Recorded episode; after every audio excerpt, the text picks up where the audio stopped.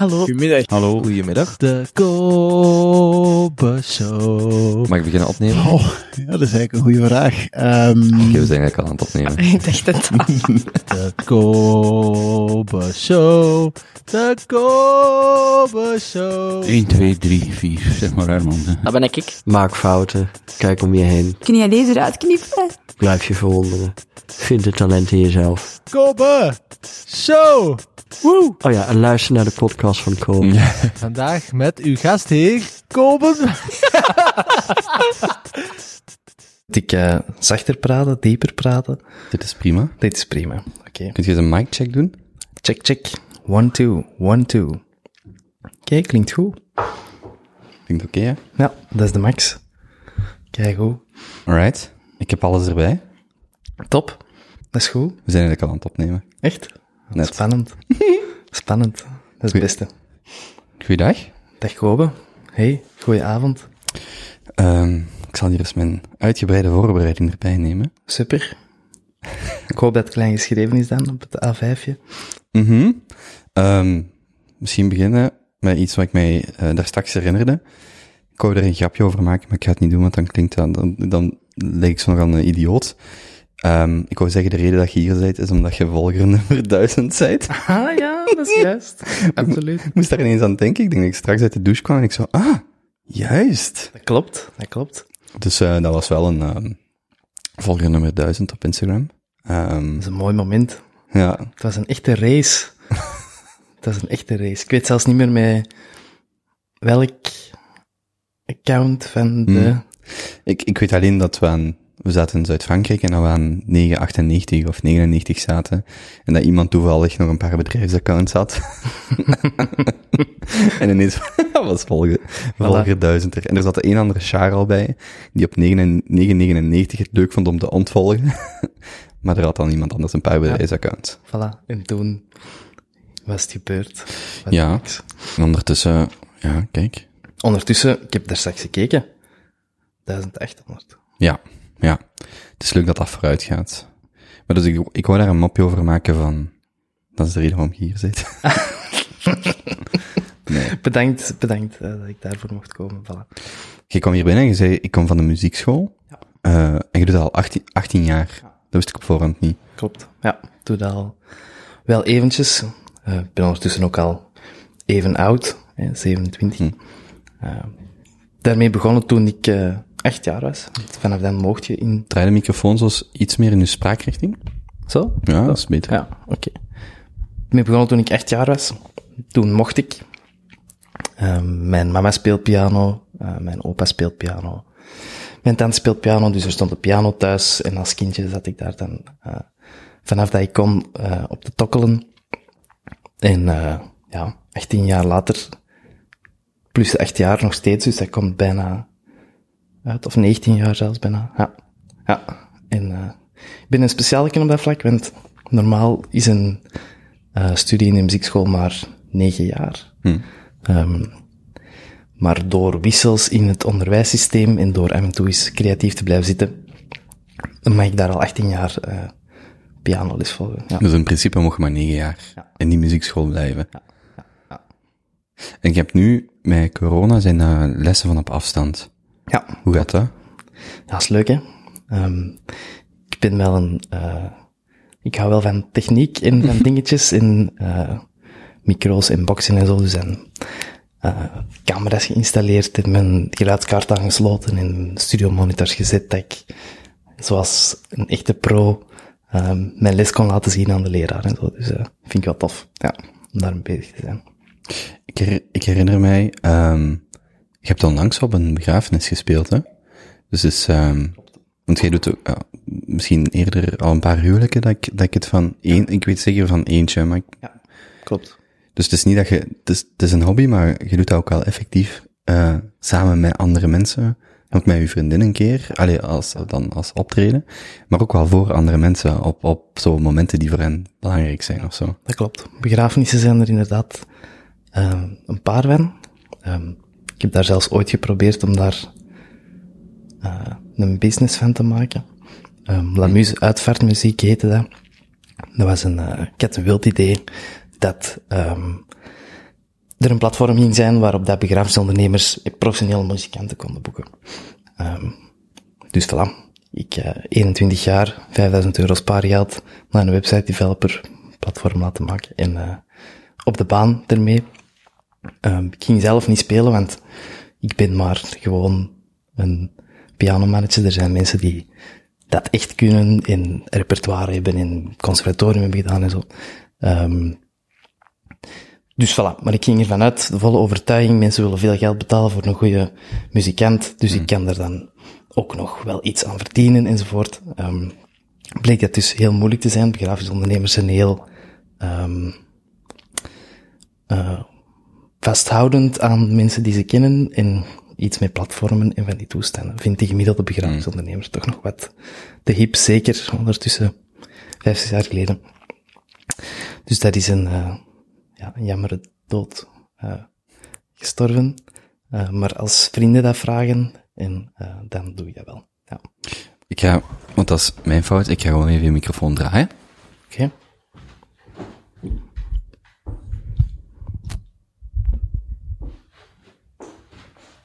Check, one, two. Voilà. Dat is eigenlijk omdat ik heb je microfoon fout gezet, omdat jij naar mij kijkt als je spreekt.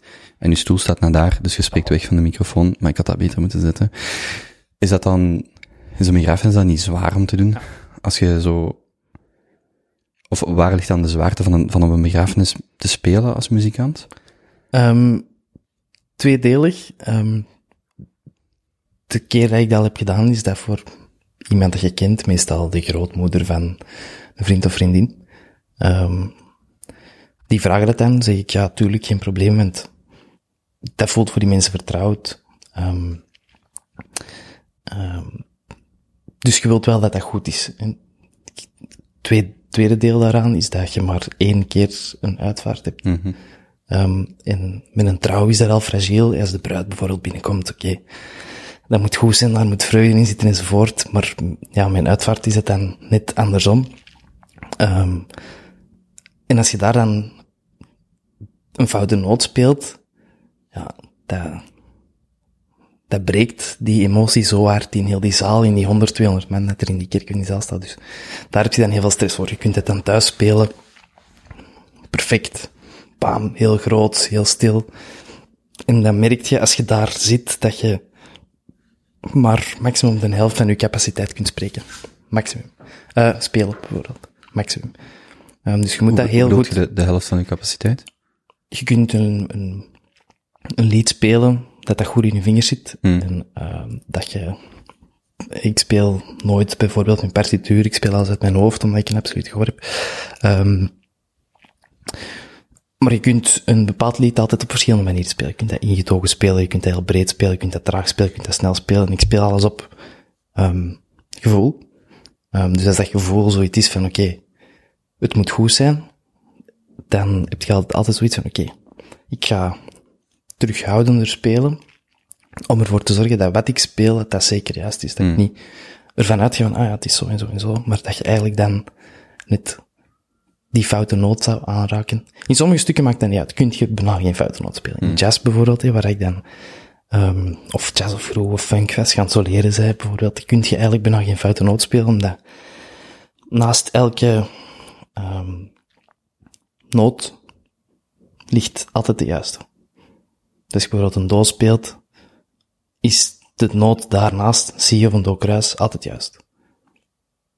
Dat klinkt raar, maar dat is wel zo. Nee, maar is dat dan het verschil tussen wanneer je aan het freestylen bent, of bijvoorbeeld in die jazz, daar is het op het ritme en het gevoel en in een bandje, al dan niet.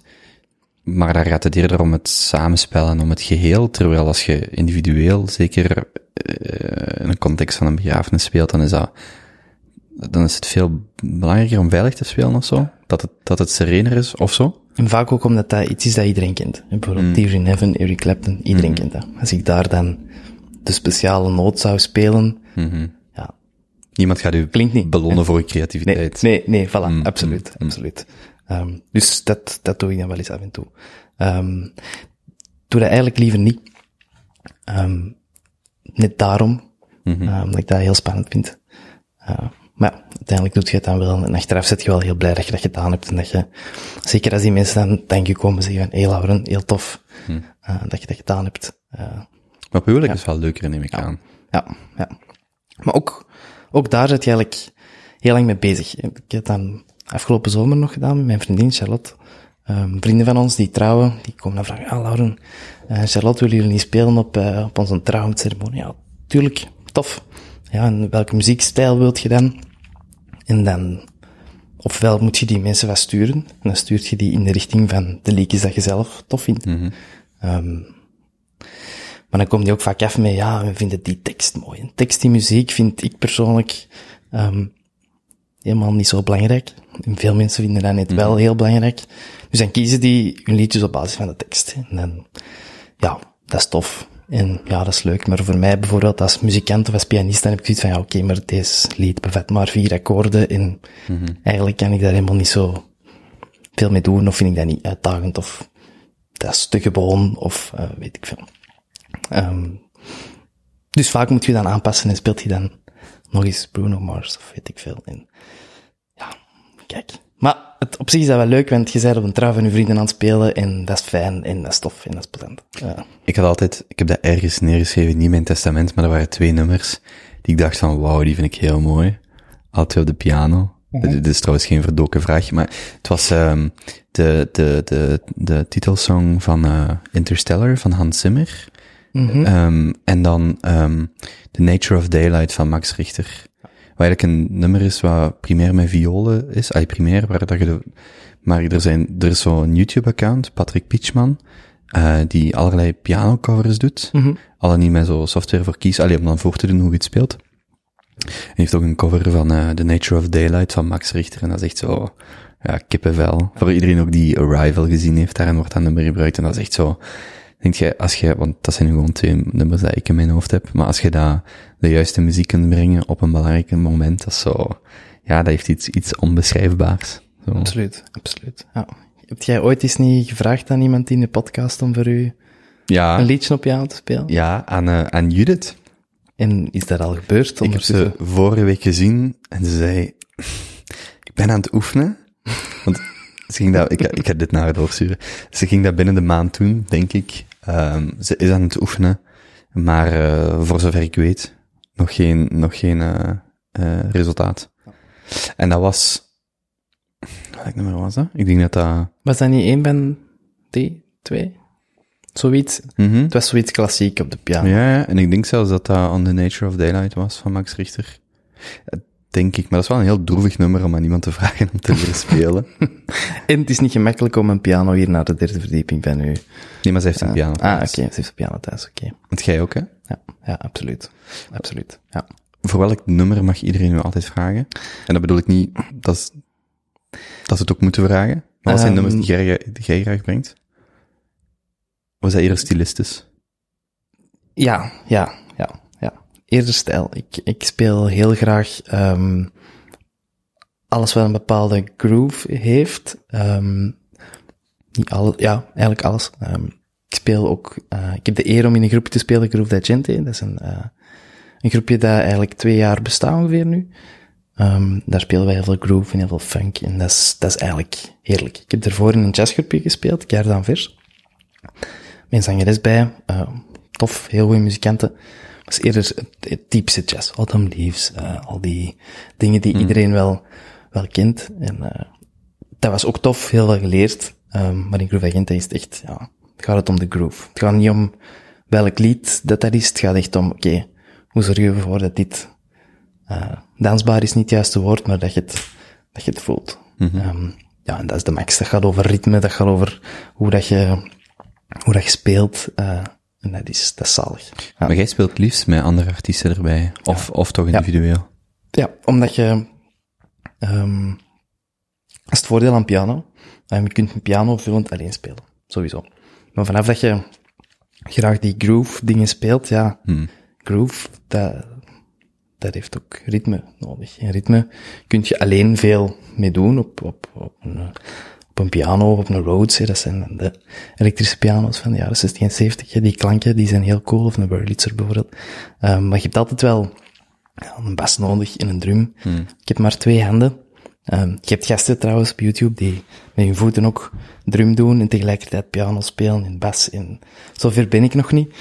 Ehm, maar het liefst wel met mensen. Maar je dan nooit zo, zo een mini synthesizer of zo en dan een paar MIDI controllers dat je à la Muramasa, zo, ik heb die een keer zien optreden in een Pukkelpop, die had 16 instrumenten bij, maar dat was, dat was iets heel anders. Maar die, je ziet soms wel zo, ehm SBTRK of hoe, ik, ik weet niet hoe je zijn de artiestennaam uitspreekt, maar dan zie je die performen, altijd zo'n synthesizer, een MIDI controller en, oké, dat is iets, dat is, een, dat is meer de performance, want ik weet niet hoeveel voorbereidend werk dat er daarin gaat. Moeilijk te zien. Ja. Maar dat is wel zo, oh, je ziet die dan bezig en dan denk je van, wauw, dat is zo cool dat die mij dusdanig weinig, maar heel veel voorbereidingswerk, zo'n set brengen en die beperkt zijn tot dan hun één hoofdinstrument of zo. Ja. Dat zou jij ook is- kunnen. Dat is de waan. Wel, sinds twee weken, het nieuwe schooljaar is net begonnen, we zijn nu in september, en uh, mijn coole muziekschool in Merreburg heeft de opleiding uh, muziekproducing, of iets in de aard heet dat, um, gestart dit jaar. En ik mag dat uh, als een van de drie leerlingen mee volgen. Um, is het omdat ik al zo lang op die muziekschool rondhang, het zou er wel eens iets mee te maken kunnen hebben, maar in ieder geval um, super tof. En daar leren wij nu werken met programma's zoals Ableton en Logic en uh, al die programma's. En ik ken dat al wel een beetje, ik kan op record duwen en, en van toestanden, maar ik ben nu Ableton aan het leren kennen. Dat zouden al die gasten gebruiken. Mhm. Dat is de waanzinnig. Je kunt daar onnoemelijk veel mee. Je kunt er gewoon een hele band voor jezelf programmeren, live show, met, met gewoon je computer. En dat is super graaf om te ontdekken, want ja, en net zoals ik zeg, ja, ik, speel wel graag piano, ik speel graag die groove, maar liefst met iets extra erbij. Dus ik ben nu zo al aan aan het spelen in dat ding. Oké, hoe, hoe maak ik hier nu een coole beat en wat ik graag hoor. En oké, ik moet een goede bass hebben erbij, maar ik moet ook zien, dat is dan het leuke in Ableton. Je kunt een bepaalde groove hebben, dat is meestal twee of drie akkoorden, maar je moet ook zien dat dat overgaat naar iets anders. Ehm, en daar kun je dan zeggen, oké, door op die knop te drukken, of op die pedaal, of op die toets, op je piano zelfs. Echt, allee, voor mij gaat er een wereld open, voor veel mensen weten dat allemaal. Ik weet dat nog niet. Ehm, up gaat je dan van daar naar daar en dan naar daar en, super graaf. Super graaf. Ik heb, voor ik naar Brazilië ging, dus tussen mijn 14 en mijn 17e, ook gedraaid. En um, dat was in de periode dat Tractor en Serato, dus, dus de timecode systemen, die kwamen toen uit. Dus zo 2006, 7, 8, 9. Um, en dan zo uh, Richie Houghton en zo begon daar heel veel mee te spelen. En gaat dan Allen Heath, was een, um, of is nog steeds een merk van uh, MIDI-controllers en mengpanelen. En je hebt eentje, de Xone 92, dat is zo'n vijf, vier of vijf kanaals mengpaneel. Dat ga ik sowieso ooit in mijn huis hebben, maar het kost 1100 pond, dus om dat zomaar even te zetten is waar. Maar dat is zo een, een reliquie van die uh, periode. Maar in die periode hadden ze ook een, uh, de Xone 4D. Dus dat was eigenlijk die LN, die 92 met dan twee MIDI-controllers. Ik had dan een paar maten, eentje specifiek die heel zijn Ableton daarop gehangen had. En die maakte dan, die maakte zelf wel muziek, maar die, dat was vooral heel cool om dan te deconstrueren. Waarin, dus dat was wel van het standpunt van een producer of van een, uh, uh, van een DJ.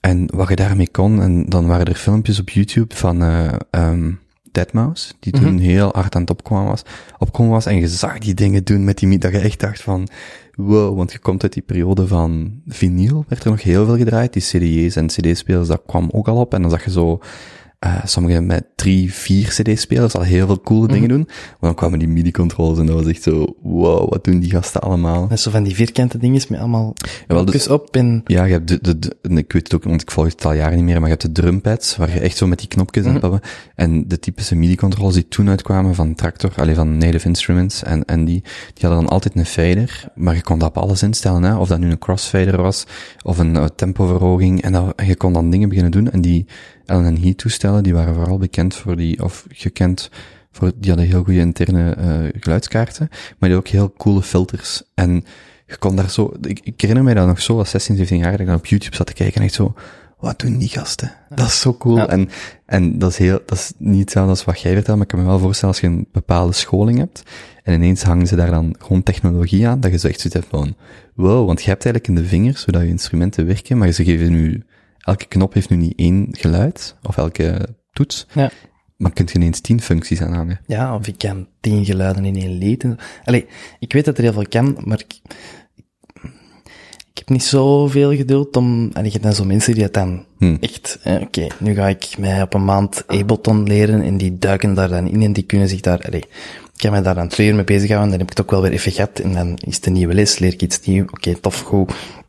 En dan zullen we het volgende wel weer leren. Maar, ehm, ja, ja, ik vind het max. Ik vind het heel tof. Ehm, het leuke daaraan is ook, allee, ik ben dan beneden aan het verbouwen, dus ik kan zo eh, binnenkort een klein plekje maken om op te treden of om een studio te maken. Dus allee, het is wel tof om eh, daarmee bezig te zijn. Hoe was het om samen op te treden? Want zij heeft dan gezongen, hè? Op de trouw, Ja. je, met Charlotte, ja. ja. Ehm, goed, dat was eigenlijk onze eerste keer. Charlotte is eigenlijk een, een verborgen talent. Ehm, die kan prachtig zingen. Ik zing ook al heel mijn leven in een koor, dus je, je, je ziet wel, um, al heeft gehoord direct als iemand een, prachtige stem heeft of niet.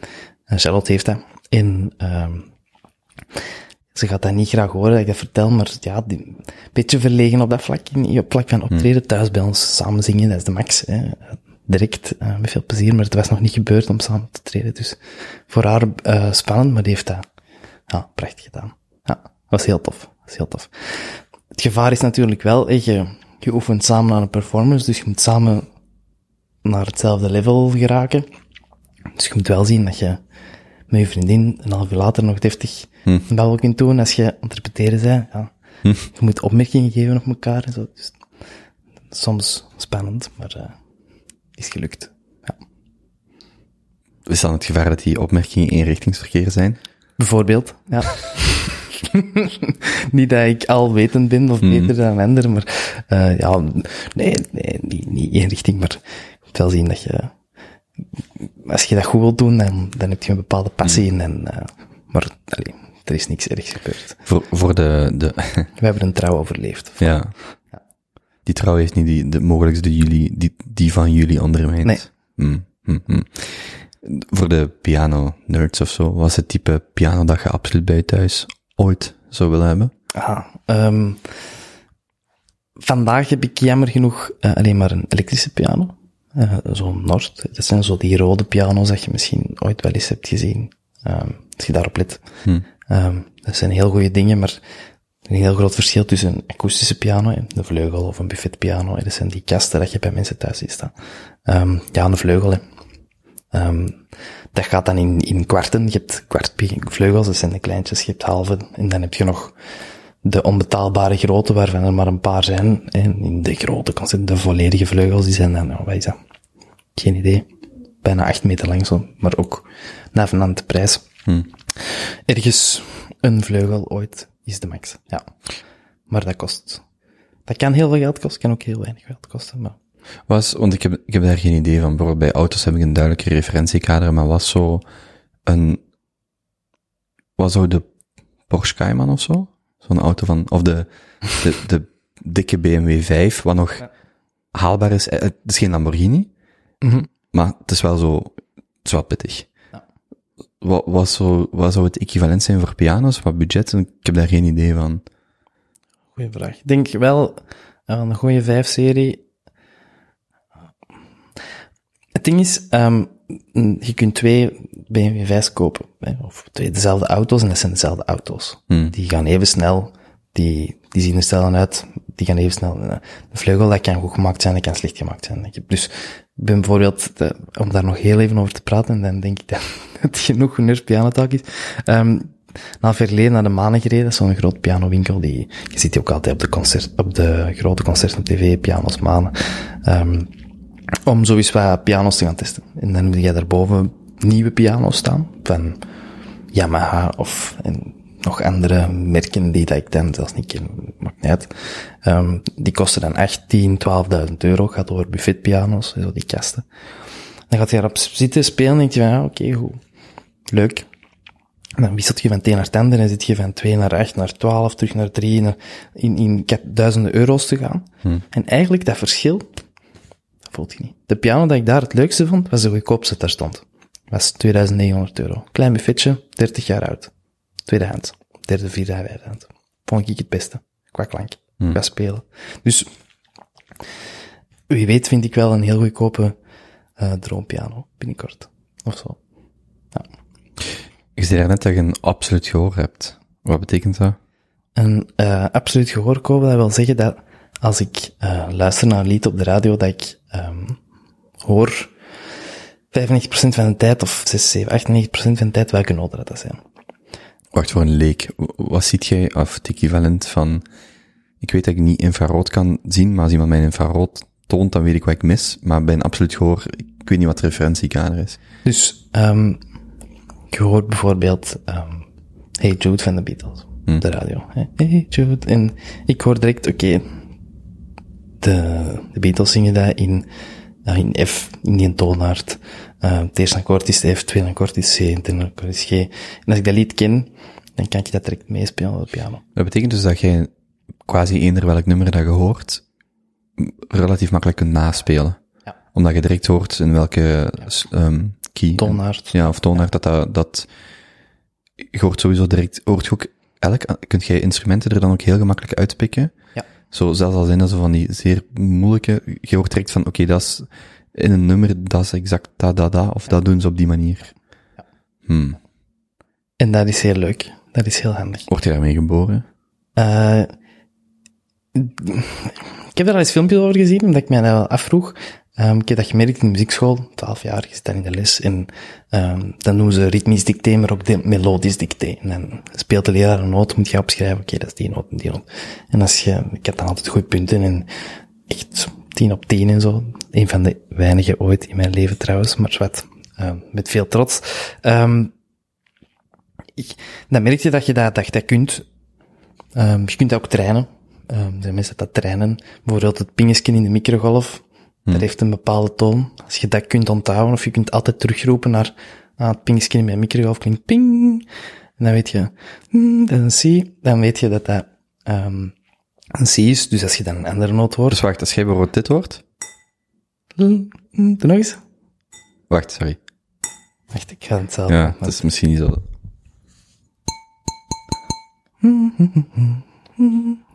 Ongeveer ook een C, dus bijna het pinkje van de microgolf. Ah nee. Tel eerder stiemaal een beetje lager. Ik hoop nu dat ik het juist doe, want anders...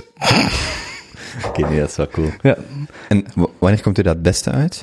Dat, dat als uw vriendin misschien aan het zeuren is, dat je zegt niet in die toon Nee, zit. bijvoorbeeld. Ja, inderdaad. Uh, nee, dat komt mij het beste uit. Um, bijvoorbeeld, vorige maand was ik op Girocamp mee.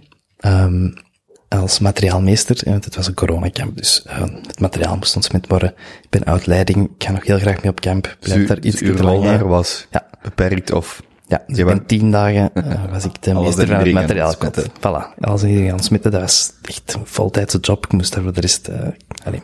Dus ik had mijn piano meegebracht en um, ja, dan komen die kindjes... Ah, kunt je... Wacht, ook meegebracht, past in uw auto. Ja, een elektrische Die, ah, piano. ja, die, ja, ja, juist. Dus die past ah, in mijn auto. En um, kindjes, ah, kunt je dat liedje spelen en dat liedje spelen? Ik, ja, ja, tuurlijk, geen probleem. En oh, wauw, leuk, tof. Hmm. Voor zo'n momenten vind ik dat eigenlijk het allertofste. Dus die laat u iets horen wat je niet kent, je hoort dat en je kunt dat naspelen. Min of meer. Ja, ongeveer. Ja, en zeker als ik het wel ken. Uh, Ja. alle liedjes van K3, Samson en Gert. Um, geen probleem. Of The Strangers. Uh, Het fijn zijn als je kinderen hebt. Je kunt daar gewoon, Ja. allee, als je kinderen wilt, maar als je kinderen hebt, kun je er dan letterlijk, ja, inderdaad. Dus dat is, dat, is, dat is echt leuk. En dat vind ik ook het leukste. Um, als je zo wat gechallenged wordt van, oké, en kun je dat dan spelen? En als ik dat dan kan, is dat leuk. Ik heb nog een challenge voor u. Ja? Je hebt een maand de tijd om, je hebt een maand de tijd om een bepaald nummer te leren. Oké, maar niks klassiek. Denk er maar over na. Hmm. En, maar het mag ook Bruno Mars zijn. Het mag ook Bruno Mars zijn. Hmm. Met zang? Zonder zang? Ik zal de melodie spelen, maar ik zal er niet bij zingen. Waarom niet? Um, zoals ik daar, daarnet zei, eh, Charlotte bijvoorbeeld heeft een prachtige zangstem. Ik zing in een koor, maar ik, ik, uh, ik kan op toon zingen, maar ik heb niet de, de mooiste stem die je ooit al gehoord Hmm. hebt. Misschien moet ik zingen. Bijvoorbeeld. Kan. Ja. Ja. Dat, en wel, dat lijkt me nu wel echt fijn om te doen. Mhm. Ik ben aan het denken... Ik moet eigenlijk off the record voorstellen. Ehm de, de, de, de, we gaan van die live shows doen met de vaste jongens. En ehm Jozef gaat zingen en dansen. Oké? Ehm ik was aan het denken over achtergrondmuziek. Maar ja, goed. ehm Kan. Zo we straks eens bespreken. dat gaat nog iets worden. Ja. Ehm van waar zit je eigenlijk? Ik ben van niet zo ver van hier. We zijn momenteel in Antwerpen. Ik eh, ben van Capelle afkomstig. Ik ben daar geboren. eh, ik heb daar gewoond tot mijn 16 en dan ben ik verhuisd naar Putten. eh, wel geteld vijf kilometer verder. Dezelfde postcode nog steeds. Wat is dat? 28, nog iets? 2950. 59. En, eh eh voilà. Top. Capelle. Leuk. En sinds mijn 18 eh woon ik in Antwerpen. Kapel is niet Kapel op de Bos. Nee, Capelle om den Bos is buurt van Brussel of zo, denk ik. Ja, en Capelle is naast Prasgaat, Noord-Antwerpen. Ik weet alleen van Kapel dat dat zo heel groen is. Mm, ja. Toch? Ja. Maar je hebt wel Capelle Bos in Capelle. Ah, dat dus daar is de verwarring waarschijnlijk. Oké, ja. oké. Dus Kapelle Bos is deel van Kapelle en Kapelle op de Capelle Bos. Bos is bij de golf en daar staan al grote chique villa's. Ja. Heb je broers of zussen? ja, ik heb een zus. En die heet Annegien. Ik heb je nog nooit gezien. Nee, Is die ouder of jonger? jammer. Ja, Jammer. jammer. Ja. Waarom, waarom zit je naar Putten verhuisd? Ah, wel, heeft met Annegien te maken. Dus wij woonden in Capelle, heel fijn, tof. Ehm, en mijn zus die eh, reed paard. Die reed heel graag paard. Zo graag zelfs dat wij ooit zelfs, dat ze ooit het gezin zover heeft gekregen om eh, naar Pony Park City te gaan. Eh, Pony Park City wordt eh, vol voor geadverteerd in de penny. Dat is dan het, het joepie-equivalent voor um, paardrijgritjes. Pony Park City kwam erin voor. Hoe oud is ze op dat moment? eh, acht of negen of tien jaar. Dus en ik ging het zover gekregen bij mijn ouders om um, ja, naar Ponypark te Dat is het Centerparks voor Dat is ponyrijders. Centerparks, ja, voor ponyrijders. Dat is ergens in Nederland, ik weet niet meer waar. Uh, je zit daar in een bungalow en elk kind krijgt daar een Shetland pony toegewezen. dus voilà, wij gaan er naartoe. Um, ja, ik zit daar ook een heel weekend, dus ik dacht dan, ja, oké, okay, voor mij ook maar eentje dan. Um, voor de rest is daar eigenlijk buiten een saloon, dus western style, is er eigenlijk weinig te beleven, behalve dat je daar als kind kunt rondrijden. Hoe oud zit je op dat moment? Ja, negen of tien jaar. Ah, je zit maar een paar jaar. Ja, ik ben maar een jaar ouder, ja, of anderhalf. Dus voilà, ik ook um, grote paardenliefhebber, uh, zoals ik ben. Um, ook mee op zo'n paard. Mijn zus natuurlijk, die heeft paardrij outfits en um, zo van die broeken die daar tegen kunnen. Um, zo'n Shetland pony heeft heel korte beentjes, dus je hobbelt daar nogal snel um, op heen en weer. Uh, ja, ik had dus geen paardrijboek, ook geen joggingbroek. Ik had alleen een jeansbroek bij, of zo denk ik. En ik kan u verzekeren, ook al zijt je maar 10 of 11 jaar, doe godverdomme zeer, dat je een heel weekend op de rug van zo'n paard moet zitten. maar uh, voilà, ja, overleefd. Um, maar zwart, dat was niet een vraag. De vraag was uh, waarom Wacht, je dus zus, verhuisd. Ja. uw zus is, voor uw zus is dat wel een, een goede herinnering. ja, absoluut. Dat was voor haar het summum. Dat was ook met traantjes op het einde van het weekend, uh, omdat we de paardjes dan moesten achterlaten en zo. Allee, voor mij was dat tranen van geluk. Um, zwart. Um, mijn zus was dus heel graag paarden en uh, ons had een huis gezien in Put, met daar een, een, een stuk wei aangrenzend aan de tuin. Dus uh, nu ik daarover vertel, is mijn zus precies wel de favoriet van de twee, want ik kreeg het echt wel gedaan. Heb je ook een pony gekregen? Nee, nee, ik wou dat ook absoluut niet. Um, nee, we wouden ook wel een grotere tuin enzovoort. Dus, allee, wat, hè. We naar Put, stalletje, paardjes erbij. Uh, dus elke morgen als ik mijn raam opendeed, de verse geur van paarden. Heerlijk. Um, ik heb mij altijd ver gedistanceerd van helpen met um, de stallen te kuisen enzovoort. Dat is mijn taak niet. Voor mij moesten we daarvoor niet naar Put verhuizen, dus ik ging daar ook niet doen. Ik had een laptop gekregen waar ik al heel lang achter had gezaagd. Ik was toen, ja, 15, 16 jaar. Dat was voor mij een deel. Dat was het goed. Um, ja. Dat was dus letterlijk op vijf kilometer van waar je woonde. Ja. Ja. Maar er was een weiland aan. Ja. Maar pas op, wij zijn in Capelle zelf ook eens een keer verhuisd. Dat was nog minder dan vijf kilometer. Dat was wel geteld drie huizen verder. Dus, Nieuwbouw. het kon nog eerder. Nee, nee, gewoon een huis in de straat dat mooi was. Stond te koop en hmm. zijn we naar daar verhuisd. Ik heb toen een go-kart, ik was toen echt negen jaar, dus dat was heel tof om uh, mijn eigen spulletjes met de go-kart hmm. te verhuizen. Ja, daar. Wacht, een put, um, maar dat is ook Noord-Antwerpen. Noord-Antwerpen, ja. ja. ja. ja. Dat is dus, eigenlijk bij de grens met Nederland. Doe dus dus professioneel iets met... Is dat dan Hoogstraten? Is dat daar? Die... Nee, nee, nee, nee. nee. Dat is Capelle, Capelle, Presgaat, Stabroek, Kalmthout, De Heide. Hmm. Ja, ik ben nog steeds geografisch hier eh, Het is dringend tijd dat wij... de provincie aan het Ja. leren kennen. ja, het Waar zijn wij die mini gaan halen? Dat was toch in Capelle? Met dat onderhoud. Die garage. eh, dat weet ik niet meer. Ik denk dat dat Capelle was. Het is wel Wilrijk? Nee, nee, nee, dat was sowieso naar het noorden, want dat was zo lang rijden. Die kleine baantjes, dat was sowieso richting Stabroek. Daar. Ja, daar, dan zal het daar eens geweest zijn. Hm. weet Want ik weet nog dat, omdat mijn motor komt van Stabroek, van die Triumph dealer in, denk ik, Stabroek. Ja. En dat was daar niet zo ver vandaan. In ieder geval doet je zus nog iets met paarden? Ehm, ze heeft er eentje gehad, maar als je zo gaat werken zelf en dan paard onderhouden, dan maar veel. Maar het is niet dat hij professioneel Nee. paard reed. Nee, nee. Hm. En ik denk maar goed ook. Ehm, als je zo ziet wat er voor druk dat er dan op zo'n mens wordt gelegd. eh nee, Hm. ik ver niet in. Nee. Zit je in Antwerpen op kot gekomen? Ja. Want ik was net nog aan het denken, mensen herkennen u misschien van, maar ik kan al de hele tijd niet op de naam van de, van die bar komen. Van op de Melkmarkt. Allee, het barcafé, waar ik ook optreed. De muze. De Muze, Ja. uiteraard.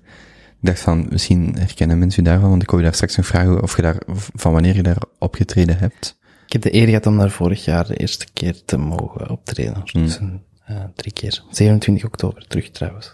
24 oktober. 24 oktober. Ja. Dus daar mag nu wel terug volk binnen en optreden gedaan worden, maar iedereen moet dan blijven zitten of zoiets. Ja. Oké, cool. En je nog met vier op het podium. Ehm, we zijn eigenlijk met vijf, dus onze saxofonist moet, eh, mag niet meer meespelen. Maar die gaat ook terug naar Amerika, jammer genoeg. Ehm, dus bij deze, wel als je een goede saxofoonspeler bent, Ja, maar je moet maar hier optreden. ja, maar voor daarna, hè. Ah, ja, ja, oké. ik ga echt permanent Wanneer naar die? Amerika. Ja, nu ergens. Nu ergens. En dat is mijn Groove Agent. Ja, met grote agent. Oké, zalig. Ja, heel tof. Moet je tickets op voorhand kopen? Nee, Je kunt gewoon zo binnen. Ja. ja. Dus, wat je komen studeren als je hier kwam? Ehm, dat was al beslist voor ik op kot ging. Ik heb eh KMO-management gestudeerd. Allee, drie jaar. Is dat de bachelor bedrijfsadministratie? Bedrijfsmanagement heet Ja. dat nu, of zo, iets, ja, ja, ja. Of entrepreneurial, het zal allemaal weer wat hyper Ja. ehm, getiteld zijn tegenwoordig, ja. Ik wou studeren, ik had in het, eh, het laatste jaar middelbare mini-onderneming mogen doen. In, eh en dat was goed bevallen, dat is kei tof. Dus ik had zoiets van, oké, ja, we zullen dan maar iets in die richting voortdoen. Ze hadden mij toen op school wijsgemaakt, en misschien dat is wel gelijk, ik weet dat niet. Ehm dat universiteit voor mij niet weggelegd was. Ik had altijd gemiddelde punten. Net goed genoeg, 60, 70 procent. Wiskunde was niet mijn ding. Hmm. Als dat niet concreet was, dan vond ik dat moeilijk. Ehm dus voilà, dan KMO management. Maar ik heb mij er eigenlijk nooit echt uitgedaagd gevoeld. Alles wat je daar zag was goede richting, goede leerkrachten, daar niet van. Maar alles wat ik daar zag was logisch. Ah ja, dat klinkt logisch. Oké. Ik had heel graag zo meer gastcolleges gehad van echt grave mensen. Die echt iets te vertellen hebt waar dat je niet van zegt, oké, dat is logisch. Hmm. Maar, zwart, kijk. Was dat KDG? Ja. Of Toms, ja, KDG. KDG. Ehm, Want, dat, want dat, dat is wel iets wat ik van u weet. Als ik aan u denk, dan gaat het altijd over ondernemen. Allee, of dat is een link dat ik snel maak, of dingen starten, of dingen snel nieuw opstarten. Maar dat was wel, het idee was dan wel van, ga eerst studeren, of sorry dat je een diploma hebt. Want je zei dat net ook, ik was 21. eh ik ga die begrafenisondernemers dat verpatsen. Ehm, maar dat zal iets zijn wat er al van veel vroeger in zat, of zo. ja, ehm, maar nooit met de intentie om zo van, ja, en ik wil super graag mijn eigen bedrijf. Dat was bijkomstig vooral van, ik wil doen, ehm, denk ik. Als, ik. als ik daar dan zo over moet nadenken, denk ik dat dat vooral is van, oké, is iets is leuk, doen. Voilà. Ehm, en proberen. Ehm, ja. En van die ingesteldheid dan met die mini-onderneming, dat was dan plezant. De helft van mijn klas ging daar ook studeren in, bij KMO management, dus ja, dan kies je dat. Gemakkelijk, je moet toch iets studeren, je moet toch iets in die richting doen, dat is algemeen. Eh, dus die keuze was eigenlijk snel gemaakt. Ja. Ik zie al zo ergens als 13-jarige of 14-jarige op tweede hand pony gratis af te halen. Op zo'n bieding. Zo'n veiling van, Ja, dat, eh, dat is een goed idee geweest. hoe werkt het eigenlijk? En Zo'n veiling. En dan zo tegen je zus. Ja, Ja. dat is de tijd goed geweest. Nee, heb ik kijk nooit gedaan. Zo van die wafels verkopen op mijn 12. Helemaal niet gedaan. Nee, nee, nee, nee. Dat, nee. Dat is niet een ding. Hm. Want die, ehm want van- misschien moeten we zo even, ik ben gewoon aan het denken, dat is altijd moeilijk als ik met mensen spreek die, die ik al ken, van, van waar, waar, waar begint je dan of waar praat je dan over? Misschien even skippen naar wat je vandaag doet, Hm. waar, je, waar je vandaag mee bezig bent, en dan zien of dat zelfs terug, eh, daar zelfs terug op inpikken. Is goed. Ehm, vandaag ehm, eh, ben ik bezig met eh Studer. Eh, Studer is een, eh, een uitzendkantoor in de evenementensector, voornamelijk. Ehm, bestaat vier à vijf jaar in... we hebben veel toffe studenten en flexiejobbers die, ehm, als wij toffe jobs hebben, voor ons komen werken. Ehm, en dat is waar ik mij meestal mee bezig hou, samen met mijn collega's. En dan is er ook nog eh Rollit. En Rollit is een, ehm, een payroll tool. voor flexibele arbeid. Ik moet het er altijd bij zeggen, mensen kennen payroll aan. Dat is mijn loon, dat is mijn loonbrief. En wij doen payroll voor de, voor de tijdelijke arbeid. Dus ook voor studenten, ook voor flexiejobbers, maar voor andere bedrijven. Dat is een dienst. Dus jij het niet studenten hebt die dat jij ingeschreven moet krijgen, kun je naar ons komen en zeggen, Lauren, zorg dat die een arbeids uh, ongevallenverzekering bezorgen, dat die een contracten bezorgen, dat die uitbetaald worden, dat die juist uitbetaald worden. Ik wil mij daar niet mee bezighouden. Betaal gewoon uw factuur en klaar. Maar dan digitaal en geautomatiseerd. Die, die uitzendsector, dat is begonnen bij DeltaWorks dan een aantal jaar geleden. Ja. Dat is wel iets wat ik denk dat veel mensen, of zeker mensen van hier en van onze leeftijd, die dat wel gaan herkennen. Dat is zeker herkenbaar. Ehm ook begonnen in die bewuste KDG hogeschool. Ehm daar is daar in de les en eh, daar heb ik dan Jeroen leren kennen en zo mee in het uh, Deltaworks verhaal gerold. Ja, ja. In drie jaar heel hard gewerkt, maar mij ook heel hard geamuseerd. Uh, ja, absoluut. Dan daaruit dan zit je naar een studie vertrokken of zo, en dan van daaruit. Er zit, er zat een pauze tussen, ja. Ja. Na drie jaar uh, studie, ik was planner. Um, dus ik deed heel de dagen niet anders dan sturen met mensen. Om die ofwel te overtuigen om bij ons te komen werken, info te geven, opleidingen te geven. Of om die te pushen van, kom aan man, we hebben nog paar maanden nodig voor overmorgen. Kom nog mee, het is plezant, het is met een die en die en die. Dat was mijn fulltime job. Dus heel, um, heel veel contacten op een dag. Super tof, maar dat is ook super, um, slopend, want je werkt met allemaal jonge mensen die een deel daarvan ook uw kameraden of uw kennissen zijn mm. op dat moment. Dus die sturen nu ook niet um, tussen 9 en 5, die sturen nu ook om 10 uur s'avonds, 11 uur s'avonds. Pardon, om 1 uur s'nachts, om 6 uur s morgens lauwen, ik heb een kater, kan ik komen werken. Dus je, dat is wel een, ja, dat gebeurt heel veel. Allee, er zijn wel zo van die zotte verhaal. Um, dus je bent wel stevig bezig. Um, als planner. Ja, ja. Maar dat was heel tof. Um, ik was toen tussen mijn 18 en 22, dus ja, je, je bent zelf student, je bent bezig met mensen um, uit dezelfde leeftijd, je gaat samen op café, je gaat samen feesten. De studie was deels als student-ondernemer of shopstudent of hoe dat dat, uh, sorry, um, Deltaworks. Deltaworks, ja, ja. Dat was dan, dat was echt tijdens de studie. Uh, ja, ja. Ik heb dat gecombineerd. Ja. Ja. Um, uiteindelijk moet je kiezen. Um, ik heb dat eerste jaar echt gestudeerd. En echt taken gemaakt. En echt presentaties gemaakt. Toen was dat allemaal nog zo wat in opstart en, en nog um, studenticoos, om het zo te zeggen. En een paar evenementjes de week. Dus dan kun je nog makkelijk naar de les gaan en daar je hoofd aan zetten. En dan het tweede jaar, en kantoor Antwerpen, kantoor Gent, dan begon dat toch al wel steviger te worden. Dan gaat je nog zo wel eens naar die les, maar ja, zit je er eigenlijk niet meer mee bezig. Je hebt zoiets van, heel tof wat je hier komt vertellen, maar eigenlijk wil ik nu bezig zijn met dat en dat en dat en dat en. Um, ik heb dat jaar nog wel examens gedaan en gestudeerd, want ik zat op kot en ik moest dat kot niet zelf betalen, maar um, wat trouwens heel tof is, dank je mama en papa, maar ik moest wel um, deliveren natuurlijk. Hè. Mm. Ik bedoel, je zit niet op kot om, om, eh, om te feesten en om maar mee iets bezig te zijn waar je nog helemaal niet van weet dat dat iets geworden is. enzovoort. Dus dan heb ik wel een beetje, soms, ehm zoiets iets, een positiever cijfer laten zien op een bladje papier dan het effectief stond. Je ondertussen ook al trouwens. Nu is dat grappig. Ehm maar wat er dus voor zorgt. Dus jij print, eh, je gebruikt gewoon Typex. Nee, Of had- er was al een computer eh, toen Mm, en dan mhm. heb ik zo wel eens eh, van een 9 en 10 of zo bijvoorbeeld. Maar, eh, ja, dat heb ik al gedaan, voor de rest. Ehm, ja, als je nog een jaar langer op kot kunt zitten. Hè. Mm. Maar wat, dat was allemaal te Hoe hebben ze dat ontdekt? Ik heb het zelf verteld, Ah, oké. een paar jaar later. Twee, jaar, twee jaar geleden of je zo. hebt je diploma al maar. gehaald, uiteindelijk? Eh, nee, nee, dat heb Nee. ik niet gedaan. Ah, oké, oké. Nee, heb ik niet gedaan.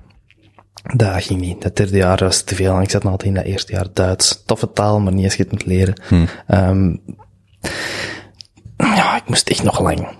Hmm. Tegenwoordig, als je dan op vak blijft hangen, je kent dat dan, en dan zijn Ik ben, eigenlijk nog... ik ben ook nooit afgestudeerd. Voilà, Ik weet niet veel mensen, maar ik heb eh ook beginnen werken en dat nooit afgemaakt. voilà. Geen Ah, schande. nooit officieel. Nee, absoluut geen schande. Ik vind dat heel knap en ik heb heel veel respect voor mensen die dat echt wel doen, want je moet voor al die vakken dedication tonen. hè. Er zit een x aantal interessante vakken tussen, maar zo die stoeme vakken waar je op blijft hangen, en bijvoorbeeld voor mij dat Duits, ja, je moet het wel doen, hè. En als je dan na je derde jaar nog in dat eerste jaar Duits zit, ja, nee. Dus toen heb ik beslist om in dat derde jaar van, oké, ik ga werken, fulltime. Ehm dat studeren is leuk geweest. Ik heb daar x en dat en dat en dat meegenomen, maar ehm we gaan dat niet doen. En dat, ik weet nog dat dat een heel spannend moment was om thuis te komen vertellen van, hallo, ehm ik ga, eh bedankt voor het drie jaar kot, maar er zal geen diploma uitkomen en ik zou eigenlijk heel graag dan nog, eh ik was een al zelfstandige, eh, ik ga daarvan proberen leven in eh dit en dat en ik ga mee daarom proberen bouwen enzovoort. Allee, dat was uite- uiteindelijk, allee, ehm allemaal oké.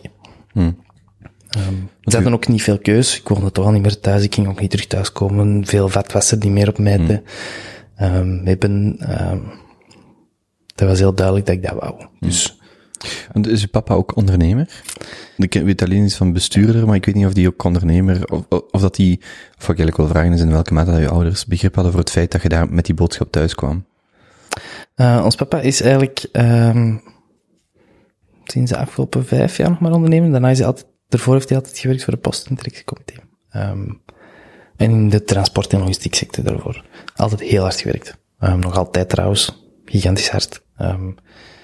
Dus hard werken en hard werken voor iets en weten dat je daar ook ermee kunt geraken, is, allee, dat begrip was wel bekend thuis. Dus ik denk dat dat wel heeft meegespeeld, maar eigenlijk in mijn familie ondernemerstoestanden en zo.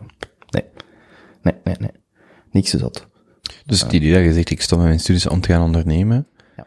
was misschien niet de beste pitch, maar wel, ik stop met mijn studies, ik heb al hard gewerkt, terwijl, Tijdens. en ik ga, ja, tijdens, en ik ga daarmee verder, dat was wel accept, meer Dat was acceptabel. ja. ja. Toen was dat spannend, hè. Ik bedoel, ik verdiende ook nog helemaal niet veel, dat ging ook allemaal nog niet, dus... Maar eh, de... Ja, uiteindelijk ging dat wel. En als je gewoon hard werkt, en ik deed ook nog veel uurtjes op evenementen, dus dan verdiende nog wel daar wat centen mee. Ja, oké. Dan is dat goed, hè. Hoe fijn is het om als jonge mannelijke student met jobstudenten, studenten, samen te werken? Was fijn. Dat was zeer fijn, ja. Dat was zeer fijn. Eh, ik heb daar een eh, fijne periode eh, meegemaakt. Ja, absoluut. En dan die, wanneer je stopte met je studies, dan werd je wel nog bij Delta Works Ja. aan het werken. Ik ben nu heel even vergeten hoeveel jaar het daar nog allemaal overlapt. En Ja. voor mij is dat sinds mijn 18 zo één... Ja, dat is precies gisteren, maar ook weer niet. Dus het is allemaal ene pot. Ja, Is het nu 26? 27. 27. Van 93. ja, van 93. Ja, ja. Ja. Ehm, ja, voilà. En dan had ik daar hard gewerkt. En dan na drie jaar was het goed geweest. De, ik heb er heel lang voor gewerkt met het gevoel alsof het mijn, een stukje mijn eigen bedrijf was. En echt met die passie ook. Ehm maar daar, door omstandigheden ging dat dan niet om daar dan voor het een stukje aandeel aan te krijgen. En Of, of voor te kopen, of weet ik veel. Dus dat is dan gestopt. In goede verstandhouding, ja. en toen had ik het even helemaal gehad en dacht ik, oké, ik heb nu drie jaar dat gedaan. Ehm, ik heb ondertussen ook nog verzekeringen verkocht. Ehm, Zo, levensverzekering en dat soort dingen. ja. Ah, hoe heet dat weer? Eh, ergo? ergo. Ja. Ik Ergo ik zelf? Ik wou het eigenlijk niet vertellen, maar ik heb dat gedaan. Zalig. Eigenlijk, eigenlijk, Maar je leert daar veel. voilà. Maar maak jezelf niet wijs dat dat echt relevant is, maar je leert daar wel veel Ja, mee pas aan. op, als goede verkoper zou ik je zeggen, kopen, dat waren echt wel goede verzekeringen. Mhm, Ehm, ik, kon, ik had statistieken om dat aan te tonen en toestand. Mhm. Ehm, veel Maar, dus geleerd. ik wil, eh, voor alle duidelijkheid, ja, dat is gelijk zo, zo, als je wilt leren verkopen, ga deur tot deur rennen. Als je dat zes maanden doet, Voilà. je leert, daar leert je alles waar je een leven lang, ga niet een cursus verkopen volgen, ga gewoon deur tot deur en dat is, ja, dat is dan de moderne versie, maar ik bedoel, je leert daar veel van. Hè. Komt erop neer, ja, daar was, pakt u een telefoon vast en belt. En, Mhm. ehm, dat moest ik al veel doen voor Deltaworks. Ik heb daar ook nooit een probleem mee gehad. En daar leert je dan eh, bellen met de glimlach en de ja-ketting en, en eh, opeenvolgende ja's. En zorgen ervoor dat er meer kans is dat ja 7 of 8 ook een ja is. En dan moet je zien dat die vraag net de vraag is van nee, we- wat denk je? We kregen zo'n heel script als we zo bij een activatie, activeringsbureau, activatie, zo moesten wij voor UNICEF gaan verkopen. Ging dat, Was dat Peppermint? en nee, het was een, eh in Hassel, ik denk activate.me. Ja, Ehm, natuurlijk was het in Hasselt, ja. Domme vraag van mij. Ja, dat was dichtbij. Dus Pepperminds, nee, niet Nee, Pepperminds, nee, nee, want ik wist nog niet eens wat dat was.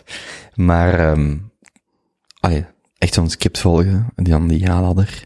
En dan weet je dat een anti-malaria, of een malaria-vaccin, of een enting 40 cent kost, ja. Allee, zo, zo allerlei, of dat is toch goedkoop, hè. En dan zo verder, verder, verder, dat je je afvraagt van, daar, ik heb dat al een paar weken gedaan, dacht ik echt van, dit is, dit is puur verkopen, Ja. zonder dit. Maar los daarvan, die ervaring om langs te gaan, is echt wel, ja, je leert gewoon even, ja, buiten je eigen zo angst of, of zo, die, die, die, ehm, rejection, die, eh, die, die deur die wordt dichtgekapt. Ja, oké, goed, dat maakt er deel van uit. Volgende. Ja, Ja, ja, ja. inderdaad. Ja, ja en, en dat is eigenlijk het, het, het meeste dat ik erbij leer. Dus ik ben die mensen, hè, want, allee, ik wil er niet alleen over praten, maar wat je hebt dan, dat is zo een van de laatste, ja, piramidesysteem, net waren.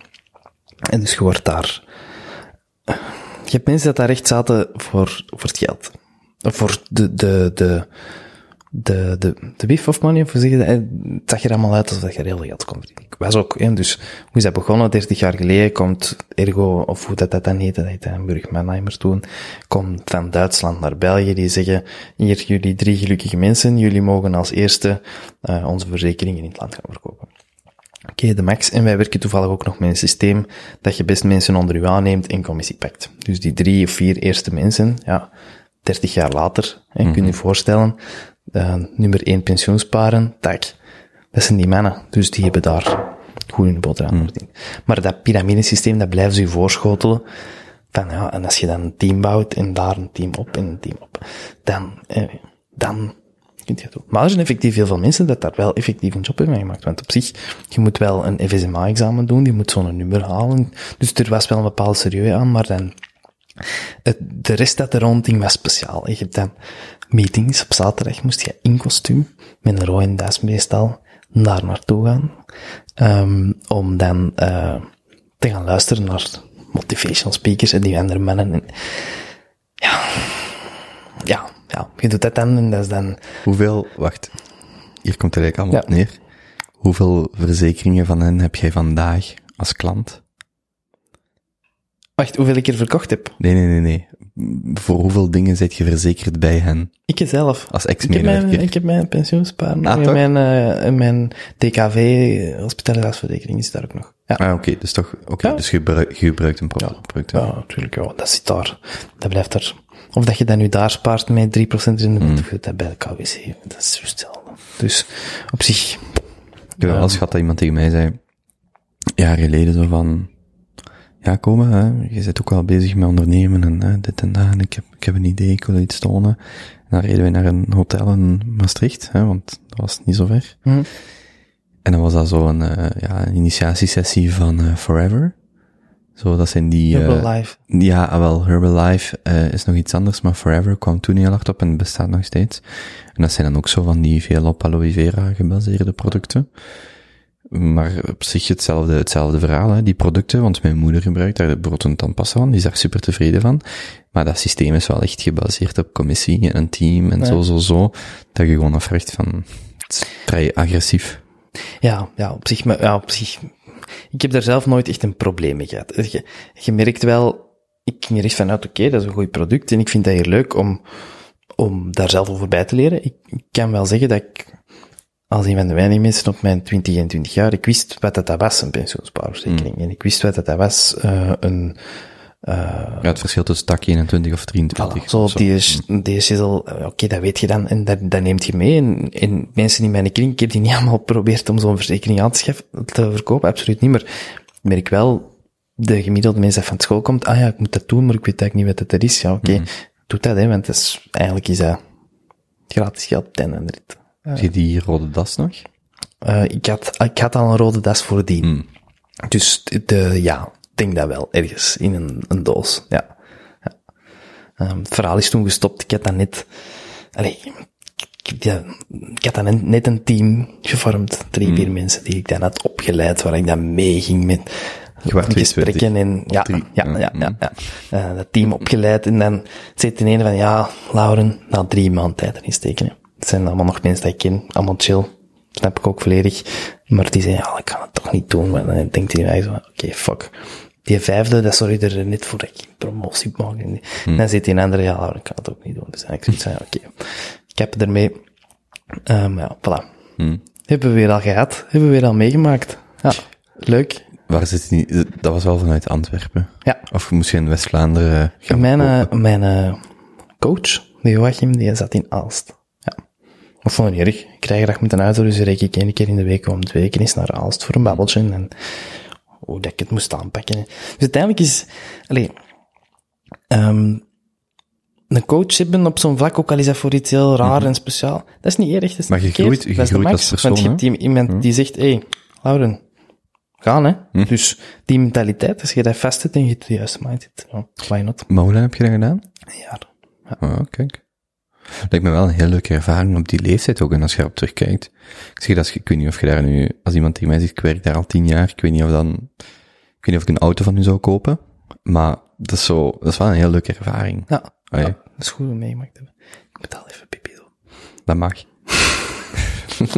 Ik heb een kleine blaas. Sorry.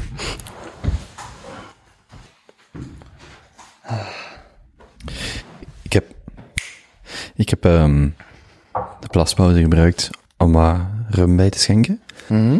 Dus de rum die ik eh, via Astrid ken. Dus, eh School. school.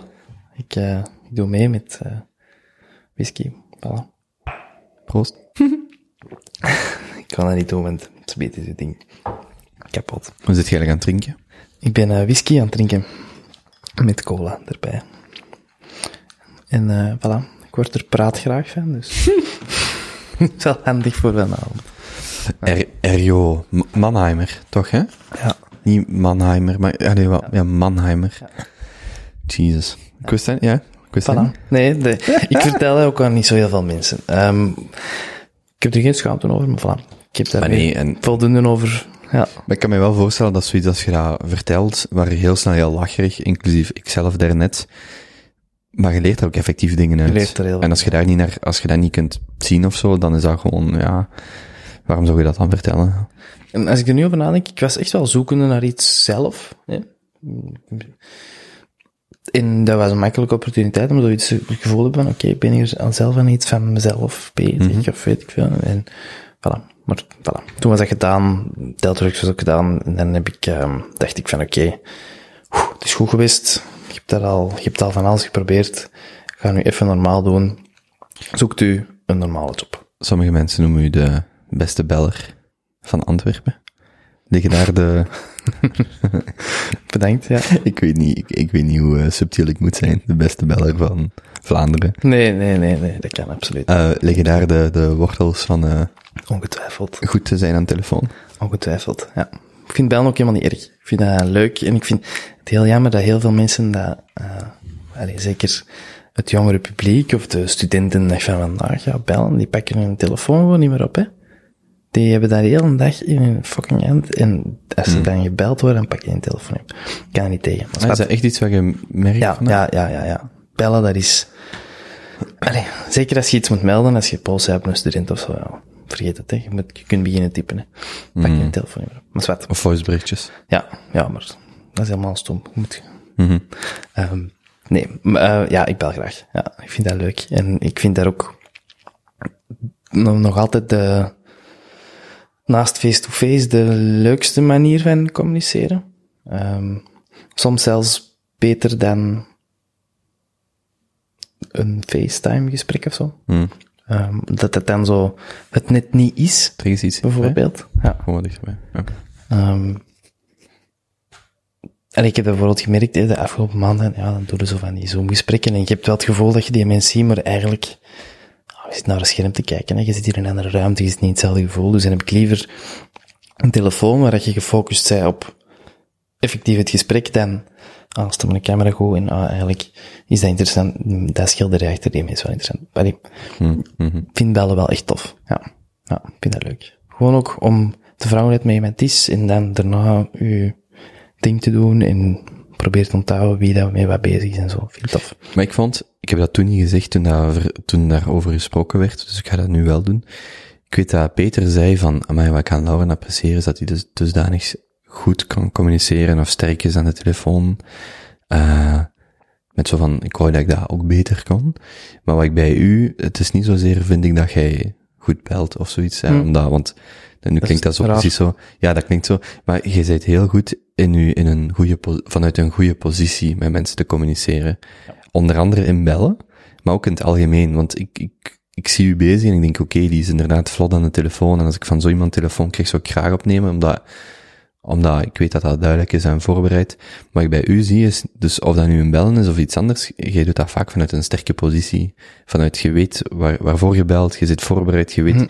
En dat vind ik wel, dat vind ik wel cool als ik u bezig zie van, je weet wel, het is niet zo van, even, ah, er is ruimte voor de rond, maar je, je zit altijd in een positie waar je, zelfs al moet je mensen opbellen, om een factuur te betalen, of, zo, dat type, zo van, ja, je weet wanneer die factuur uitgestuurd, was de dingen, was het, je, Mm. je, hebt, je hebt van nature, zie ik u dat vaak doen, vanuit een, ja, vanuit een comfortabele positie. Want sterk klinkt zo precies zo, zo, zo vanuit een machtspositie, Mhm. maar dat bedoel ik niet, maar vanuit een comfortabele positie, of een goede positie, communiceert je met mensen. En dat vind ik wel, als iemand aan mij vraagt, wat kan ik van Laura leren? Zou ik zeggen, eh, is dat bellen? Dan denk ik, nee, nee, kijk gewoon hoe die zich manoeuvreert in een positie, om van daaruit goed met mensen te communiceren. En dat vind ik wel iets wat ik u vaak zie doen. Ehm, en je ziet dat bijvoorbeeld ook als we op reis waren. Je ziet dat zo in kleine dingen dat je vanuit een comfortabele, zo, we moeten inkopen gaan doen. Je doet dat niet als je nog maar een uur de tijd hebt, maar je doet dat als je heel de namiddag de tijd hebt. En dan zie ik, ik zie je vaak van die dingen doen, zo van, eh, zo vanuit een, een sterke positie. Ik vind dat, ik vind dat cool om te Oké, observeren. dat is grappig. Ja, Ja, ja inderdaad. ik weet niet of ik echt een, een punt had. Maar ik, Nee. ik vroeg me dan af, om, omdat het vaak over dat, over dat telefoneren gaat. Ik, ik weet niet wat mijn punt was. Ik alleen dat ik u dat een paar keer heb zien doen en dacht van, ja, ja oké. Zorg voor je doet, dat een beetje voorbereid bent. En, Het ding is dat de mindset goed moet zitten. Hm. Bijvoorbeeld, eh, afgelopen maand heb ik heel veel prospectietelefoons gedaan. Ehm, ja, voor stuur of voor, voor stuurder. Voor stuurder, ja. Werk zoeken voor de studenten. Ehm, er is niet veel, er was niet veel aan zoeken, maar ik wou zo eens buiten de normale evenementensector gaan, die daar nu bijna niet bestaat. En als je dan, je voelt dat dat ander terrein is, je belt naar een havenbedrijf, of naar een magazijn, ja. En zoals dat gezegd, comfortabele positie, oké, je belt wel, je kunt wel je parley doen over, over, maar ik ken die, ik ken die mensen in hun achtergrond. Ik weet niet, geef ik hier nu het juiste voorbeeld of niet. Dus ik merk dat je daar direct je veel, ehm op veel gladder ijs begeeft of zo. Eh, dat is niet gemakkelijk. Dat moet, dat moet echt de mindset goed zitten. Dat moet goed gezind zijn en, Hmm. En als je na één of twee telefoons beu bent, stop dan gewoon. Doe dat de volgende dag opnieuw. Verplicht u niet. Sommige mensen zeggen dan, ja, je moet er zeker vijf achter elkaar doen. Ik vind dat niet. Ik vind dat niet. Als je, als je er twee gedaan hebt en je hebt geen goesting meer, doet die andere drie niet. Dat, dat brengt toch niet op. Wat doet jij om eh, in een goede Oeh, mindset te komen? Ik weet dat ik u af en toe laat masseren, maar dat is niet voor iedereen daar. nee, dat is niet waar. Dat is helemaal niet waar. ik zou niet weten door wie. Nee, ehm eh, niks speciaal. Ik ben niet zo'n super rituele mens. Ik heb ook geen ochtend ritueel, eh, hoewel dat, dat tegenwoordig super hip is om dat wel te hebben. Ik heb dat allemaal nog niet. Gewoon goed gezien zijn. En de ene dag je dat wel, en de andere dag je dat niet. Dat kan van het weer zijn, dat kan van een goede leekje zijn, dat kan, eh, ik weet niet. Ja. Ik vind het altijd heel moeilijk om er iets op te plakken, want je probeert dat wel te zoeken, soms. Van oké, hoe zorg ik ervoor dat ik elke dag een productieve dag heb, bijvoorbeeld. Dat ik elke dag goede telefoons kan doen, dat ik elke dag, ehm vraag aan mijn collega's of aan iedereen, hoe is het, kan ik ergens mee helpen, tak, en je hebt zo van die dagen dat dat bam, bam, bam, goed gaat, en je hebt van die dagen dat je eigenlijk, zeker de afgelopen maanden dan, dat rustig is en dat je achter je computer zit en zo zit van, oké, ik heb eigenlijk geen fucking goesting om hier iets te doen. Ik kan het niet opbrengen. En dan mag het goed weer zijn, dan moet je heel dag goede muziek hebben geluisterd, dan moet je een spaghetti gaan eten zijn middags, want dat eet ik heel graag. Hè. Uh, moet je de juiste koffie hebben gedronken, moet je een leuke babbel hebben gedaan met iemand dat je tegenkomt op de gang. Als het niet gaat, gaat het niet. En ik heb mij, dat zijn wel de learnings van de afgelopen maanden geweest dan. Um, als het een goede dag is, is het een goede dag. Is het geen goede dag, is het geen goede dag. Hoe is, hoe is het het laatste half jaar om uitzendwerk in de evenementensector te doen? Uh, wat denk je? Uh, nee, ja, Maar was ik, niet ik, heb van, ik heb het van dichtbij min of meer Ja. ook zien gebeuren, maar Ja, niet tof, hè. We waren uh, keigoed bezig met studeren. Door Antwerpen, kent door Gent, kent door Brussel, Leuven. Um, leuk, allemaal goede mensen, gemotiveerd. Um, en voor iedereen in de evenementensector stond 2020 vol. Um, wij zijn nog een groeiend, hè, wij zitten nog in groeifase, omdat wij nog, um, nog maar een paar jaar bestaan. Dus voor ons groeien wij sowieso elk jaar. kunt je dat schetsen hoe dat je dat eigenlijk in, want ik- weet dat ook niet zo goed, hoe drukt je de grootte misschien van een uitzendkantoor, specifiek dan in jullie sector Oh. uit? Gaat dat over gepresteerde uren, over aantal ja. studenten die je plaatst op een jaar? Gaat, kijk je eerder naar winstgevendheid of naar, is het echt, of is het echt wel uren factureren? Uh, ja, bijvoorbeeld die uren. Daar wordt zo wat de groot mee afgemeten. Bij mijn studie zijn bijvoorbeeld helemaal niet de grootste. Ik ben ook niet de, wil dat ook niet zijn, want Hmm. hoe groter dat je wordt, moet je een heel andere structuur gaan doen. Wij zijn met studie bijvoorbeeld met vijf. Vijf vaste mensen. Dat is de max. We zijn een team, dat is klein. Wij kunnen goed genoeg schakelen, iedereen is genoeg betrokken. Um, dus voor de grote wat dat wij doen, is dat perfect.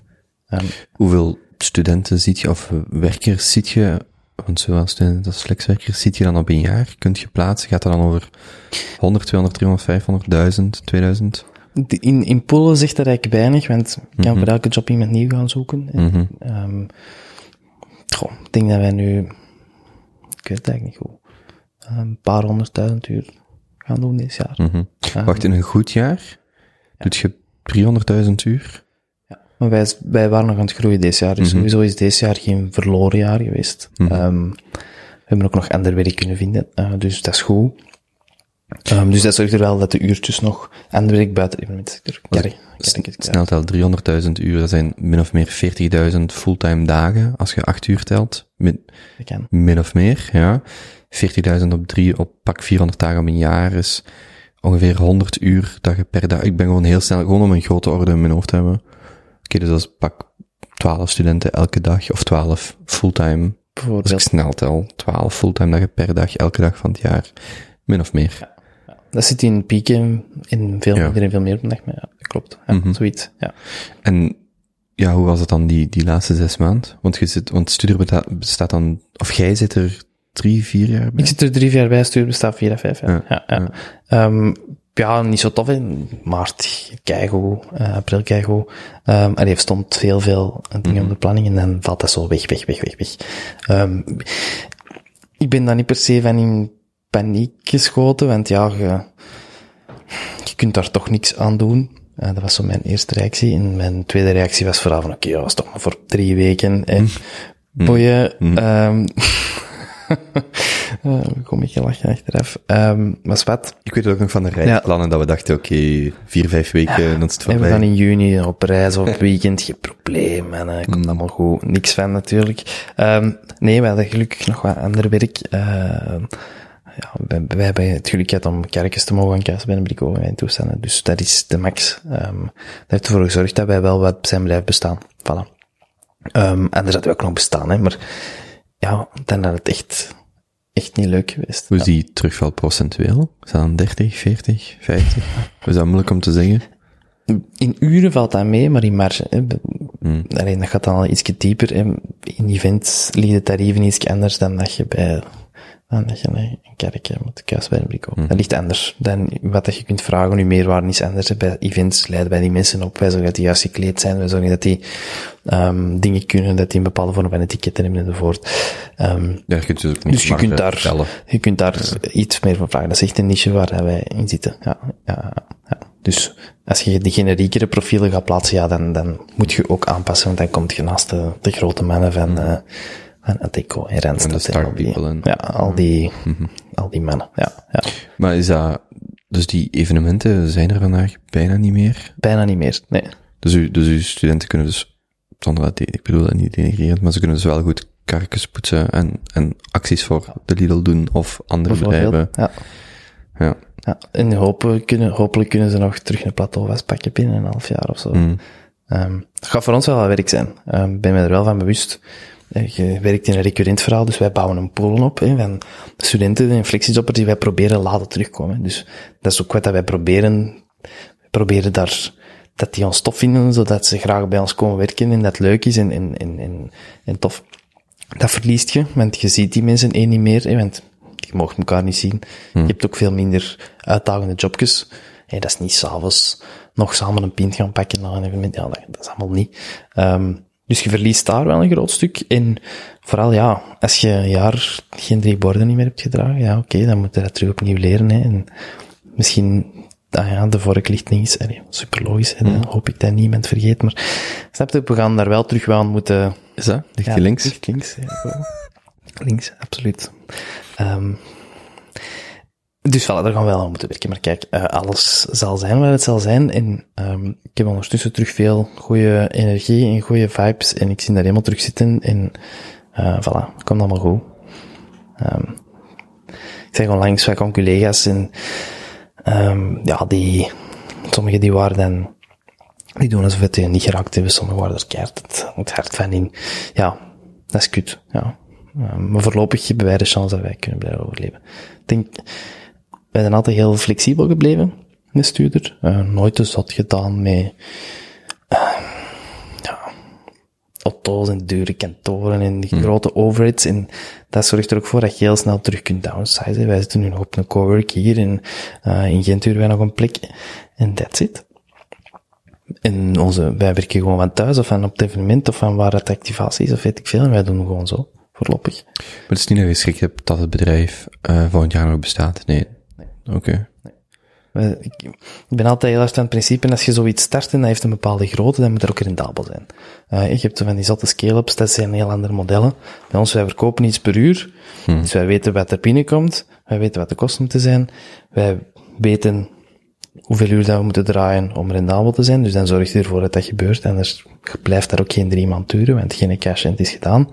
Um, dus wij zijn rendabel, wij hebben vorig jaar winst gemaakt, we hebben het jaar daarvoor winst gemaakt, dus dat geld kunnen we dan nu eventueel gebruiken daarvoor. Ja, dat is heel stom, want um, niemand vindt het leuk om dat risico dat je dan pakt als um, um, ondernemertje, om dat dan daar terug aan te moeten afgeven. Maar kijk, dat is dan zo. Je bedoelt dat het alternatief was een dividenduitkering of zo? Ja, bijvoorbeeld. Uh, maar, alleen, echt niet erg. Ik bedoel, ik heb niks tekort. Ik kan, uh, allemaal prima. Ja. Wat was een zotte uitgave die je hebt moeten uitstellen? Ja, mijn vleugelpiano. Een vleugelpiano? Ja. Of de afwerking van mijn verbouwing beneden. Hmm. um, we zijn er nu al wel aan bezig, maar sommige dingen kosten, kosten, kosten veel geld en vind ik dat nu stom om dat eraan te geven. Als je dat goed wilt doen, kost, kost een verbouwing geld, voilà. En dan moet je, ik wil ook niet gaan lenen voor zo'n ding, ik wil dat, ik wil dat versparen en ik wil dat, ik, niet, ik heb al om te lenen voor dat huis te kopen, dat is goed genoeg. Hmm. Uh, hoe, staat, hoe staat met de plannen om op je dertigste een busje te kopen slash huren, kopen waarschijnlijk, en uh, de boel achter te laten? Goh. Um, ja, dat zullen we zien als ik dertig ben, hè. Dat is natuurlijk nog maar drie jaar, dus ik moet daar Duizend eens... dagen. Oh ja, als je het zo zegt, is het wel heel hmm. uh, concreet. Ehm, zullen zien. Dat, dat beeldidee speelt nog wel. Ja. Ik, ik, ik druk het zo uit omdat ik letterlijk duizend dagen voor mijn dertigste verjaardag een notitieboekje ben begonnen. Mhm. Met, oké, ik heb duizend dagen tot ik dertig word. Wat moet ik doen? Ja, ja, oh, oh, wat ga ik kunnen zeggen op mijn dertigste? Oud zit jij nu? Eh, ik word eh, over drie weken 29, dus ik heb nog 300. Echt. Ja, ja, dus ik zit al over de helft. Oké, en hoe is het met het boekje? Staat er iets in? Oh ja, ja, maar het is confronterend. Ja? Het leven is rooskleurig als je het uitschrijft, maar je moet het ook effectief. Wat is een van de eerste dingen dat je erin hebt opgeschreven en die er nog niet zijn doorstreept? Mm, maar het was eigenlijk een journal. Ik ging bijhouden hoe dat ik met bepaalde dingen bezig was. Ehm, Dat is geen to-do-list. ja, die zat, die zat erin verwerkt, maar niet zoals in, het was niet zo een, eh, een bucketlist of zo. Van, ik wil dit gedaan hebben. Het gaat eerder om, wat vind ik conceptueel belangrijk? Waar wil ik staan als ik 30 ben? Waar, waar wil ik zelf naartoe werken? En wat wel heel belangrijk was, ehm, ik was toen nog heel zoekende waar wil ik wonen? Waar wil ik mij vestigen? Waar wil ik mijn leven uitbouwen? En dat, staat, dat is wel een vraag die beantwoord is sindsdien. Als in, dat is Antwerpen geworden. Want ik ben toen naar Wenen verhuisd en dan teruggekomen en dan Ja. hier. Dus er zijn wel zo wel een aantal impliciete dingen. Als ik dat herlees van in het begin. Dat ik denk van, amai, daar was ik toen heel zoekend in. En dat is nu veel duidelijker. Ook gelijk een podcast maken, waar ik woon. Dat is veel duidelijker. Dus dat is wel, dat is wel cool en ik kijk er wel naar uit. Ehm, Moet ik misschien ook eens doen. maar, maar dat is wel interessant, omdat duizend dagen, aan de ene kant is dat heel ver weg, hè, want nee, er zijn een aantal dingen, dat is ver weg, maar dat gaat ook heel snel voorbij, maar dat maakt dat ook op duizend dagen, of hè, dus op drie jaar, iets minder, je kunt ook wel heel veel doen. Als je, als je, kijk, ik ben nu met, ik zei dat op voorhand met jiu begonnen, als je zelfs daar denkt over du- als, als je dus niet denkt, ik wil in twee weken, of bijvoorbeeld met een gezond dieet, of een bedrijf uitbouwen, al die dingen. Als je het perspectief van drie jaar pakt, of duizend dagen, je kunt echt wel na die duizend dagen evalueren, wat heb ik nu wel en wat heb ik nu niet gedaan. En dat kun je niet na drie weken, en, en 30 jaar is ook te lang. En dus dat is wel zo, zeker als je 27 bent, en het is min of meer duizend dagen, is dat wel cool, zo van, en 30 is ook gewoon een leuke mijlpaal. Van, hmm, Om er toch iets positiefs van te maken. wel, de ja, maar voor jezelf ja. al te definiëren wat dat, dat is. Je wilt niet op je dertigste denken, ah, ik voel mij, of je wilt vermijden dat je denkt, ik voel mij uh, ongelukkig bij bepaalde dingen. Als je die op voorhand niet hebt gedefinieerd, wat je dan wel gelukkig zou maken of niet ongelukkig. En dat vind ik dan wel cool als je, om daar nu op terug te kijken van, oké, ik ben zeker niet met alles gelukkig. Ik ben de laatste zes maanden zoveel bijgekomen, ik voel me daar echt niet aan- aangenaam bij, maar dat is één van de vijf grote lijnen of zo. En van die andere zit er wel een waarvan ik denk, ah, maar dat is wel cool dat je dat wel uh, uitgedokterd hebt of uitgevogeld. Ik weet niet, uitgevogeld zeggen ze dat hier in Antwerpen? Uitgedokterd, ja. Maar als, je, als ik uitgevogeld zeg, dat klinkt niet seksueel Nee. getint. Nee, nee. nee. Ik vond die woordspeling van de lijnen dikker worden, in de vijf lijnen beter. Eh, maar die hebt je zelf gemist. Ah, die heb ik zelf Ja. gemist. Eh, voilà. Nee, ja, eh, mijn 30 jaar plan, ja, ik, ik loop met het idee om een... ik, ik ben wel een YouTube-kijker. Mm. Moeilijk inslapen. Allee, ik kan niet moeilijk inslapen, maar ik vind het heerlijk om in slaap te vallen in een andere... Niet een andere wereld, maar zorgeloos. Ik kan nog wel eens draaiend eh, uren wakker liggen als ik dat niet doe. Maar pie- Ehm, piekeren dan of zo. Piekeren en nadenken. Voor de zin van het leven en kopen, zoals iedereen. Mm.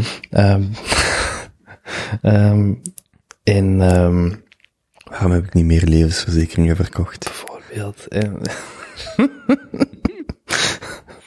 of waar heb ik nu weer voor getekend eigenlijk? Ik zou het dan nog eens moeten opzoeken. Ja. Hmm. Ehm, eh, dan kijk ik heel veel YouTube. Ik vind dat een prachtig kanaal. Hè? Iedereen kent dat wel. Ben niet louter audio? Je kijkt ook Ik effectief. kijk effectief, ja. En ik vind het heerlijk om andere mensen hun eh, leven te volgen.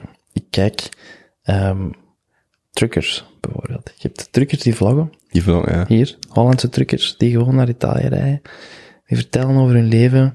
Je ziet dat die aan de grens passeren. En als ze een camion uitlaten, dat klinkt allemaal heel stoem, maar ik kijk daar graag naar. Ik kijk dat niet elke week, maar Nee, nee, maar super cool. ik volg die dan, dat kanaal. Ik weet niet meer wat hem heet, ja Willem. Of je hebt zo'n andere trucker, die heeft dan een Scania. hè. Dat zijn dan de, de, de BMW en de Ferraris en de trucks. En al die rijdt er dan mee rond en vertelt hem erover. En ik vind dat leuk. En zie je al die logistieke centra. Ik vind dat wel cool. Voilà. Dus dan kijk ik daarnaar. Maar kijk, kijk bijvoorbeeld ook, ja, kijk uiteraard heel veel muzikanten en, en grave groepjes, hè, zo de kleinere Of soms heel grote dingen, live shows of uh, akoestische sessies of weet ik veel. Maar ook uh, heel veel van live. Um, pardon, voor de mensen die dat niet kennen. Van live, dat zijn eigenlijk de, de nieuwe nomaden van deze wereld. Um, oh, pardon. Die uh, kopen... Als je het gewoon een goede boer moet laten, gewoon... Uh... nee, dat ga ik niet doen. Dat is de spaghetti van de bavet trouwens. Um, drink, drink nog wel whisky of zo. Ja. Um, zwart, fanlife. Dus dat zijn mensen die een van kopen en die gaan daar... Um, die verbouwen dat meestal tot eigenlijk een soort mobiloom. Het is niet meer cool om in een mobiloom de wereld aan te trekken, maar wel met iets zelf gefabriceerd. Fanlife. Je hebt gasten ja, dat zijn halve kunstwerken, hè, die met domotica en alarmsystemen en zot ineen uitschuifbare dingen die daar erin slagen om een volledig bed, een zetel, uh, een volledige keuken, een douche en, en nog een garage voor hun twee elektrische mountainbikes in te steken. Nee, super graaf. Wacht, ja. is dat voor u zo cool dat ze op een kleine oppervlakte zoveel mogelijk krijgen? Ja, vind ik heel cool. Ja, vind ik heel cool. Um, ik speel ook graag Tetris, maar dat, dat wat, ik vind het heel cool dat die... Wat heeft dat ermee te maken? Ik weet niet, dat moet je ook puzzelen. Dat je blokjes aan elkaar ja, moet steken. Ja, ja. Uh, dus... Oké. Oké. Okay. Mag ik dat niet vertellen? Of maar, ah, voilà. ja, Lego of Duplo. Nee, nee, dat is dan... Knex. Nee, Tetris.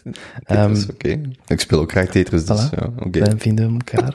oké. Um, zwart, uh, die puzzel van alles in elkaar. Ik vind het cool. Ik vind het cool om te zien en die die reizen dan ook de wereld rond en die hebben dan ook nog eens allemaal zo'n hippe job waar ze dan op afstand uh, zijn te verdienen en weet ik veel. Um, denk ik dan, want, of met YouTube dan waarschijnlijk, maar daar ken ik allemaal te weinig van. Um, maar ja, dat is, dat is graaf, hè. Die, ik heb daar een heel romantisch beeld bij. Dat is ook helemaal niet romantisch volgens mij, want je leeft wel apart weg van je familie, zeker als je dat x jaar doet. Ik weet niet of ik dat kan. Um, maar ik vind dat wel heel cool. Dus als je zo altijd op vier vierkante meter langs elkaar ligt te stinken en te snurken. Ja. ja. Dat is gezellig op YouTube. Maar... Ja, inderdaad. Je zou dat wel met je twee doen. Of zou je alleen willen gaan? Dat moet, hè. Ik weet dat niet. Ja, ja dat moet, hè. Nou, dat moet ik komen. Dat moet. Natuurlijk. Met veel plezier. Wat is het type auto dat je zou... Je ging dan direct aan een Mercedes, aan een Sprinter ja, of zo. Dat is, dat, dat is zo de coole dingen, hè. Dat is ja. Mercedes Sprinter van, uh, mm -hmm. From the year 2014. Uh, dat zijn allemaal, ja, dat is allemaal niet Engels, hè, die van mm -hmm. blogs. Uh, en daar vertelde hij daarover in, dit model is goed vertaaien, dit, uh, maar ja, dat, sorry, dat kijk ik dus. Ja, met heel veel plezier.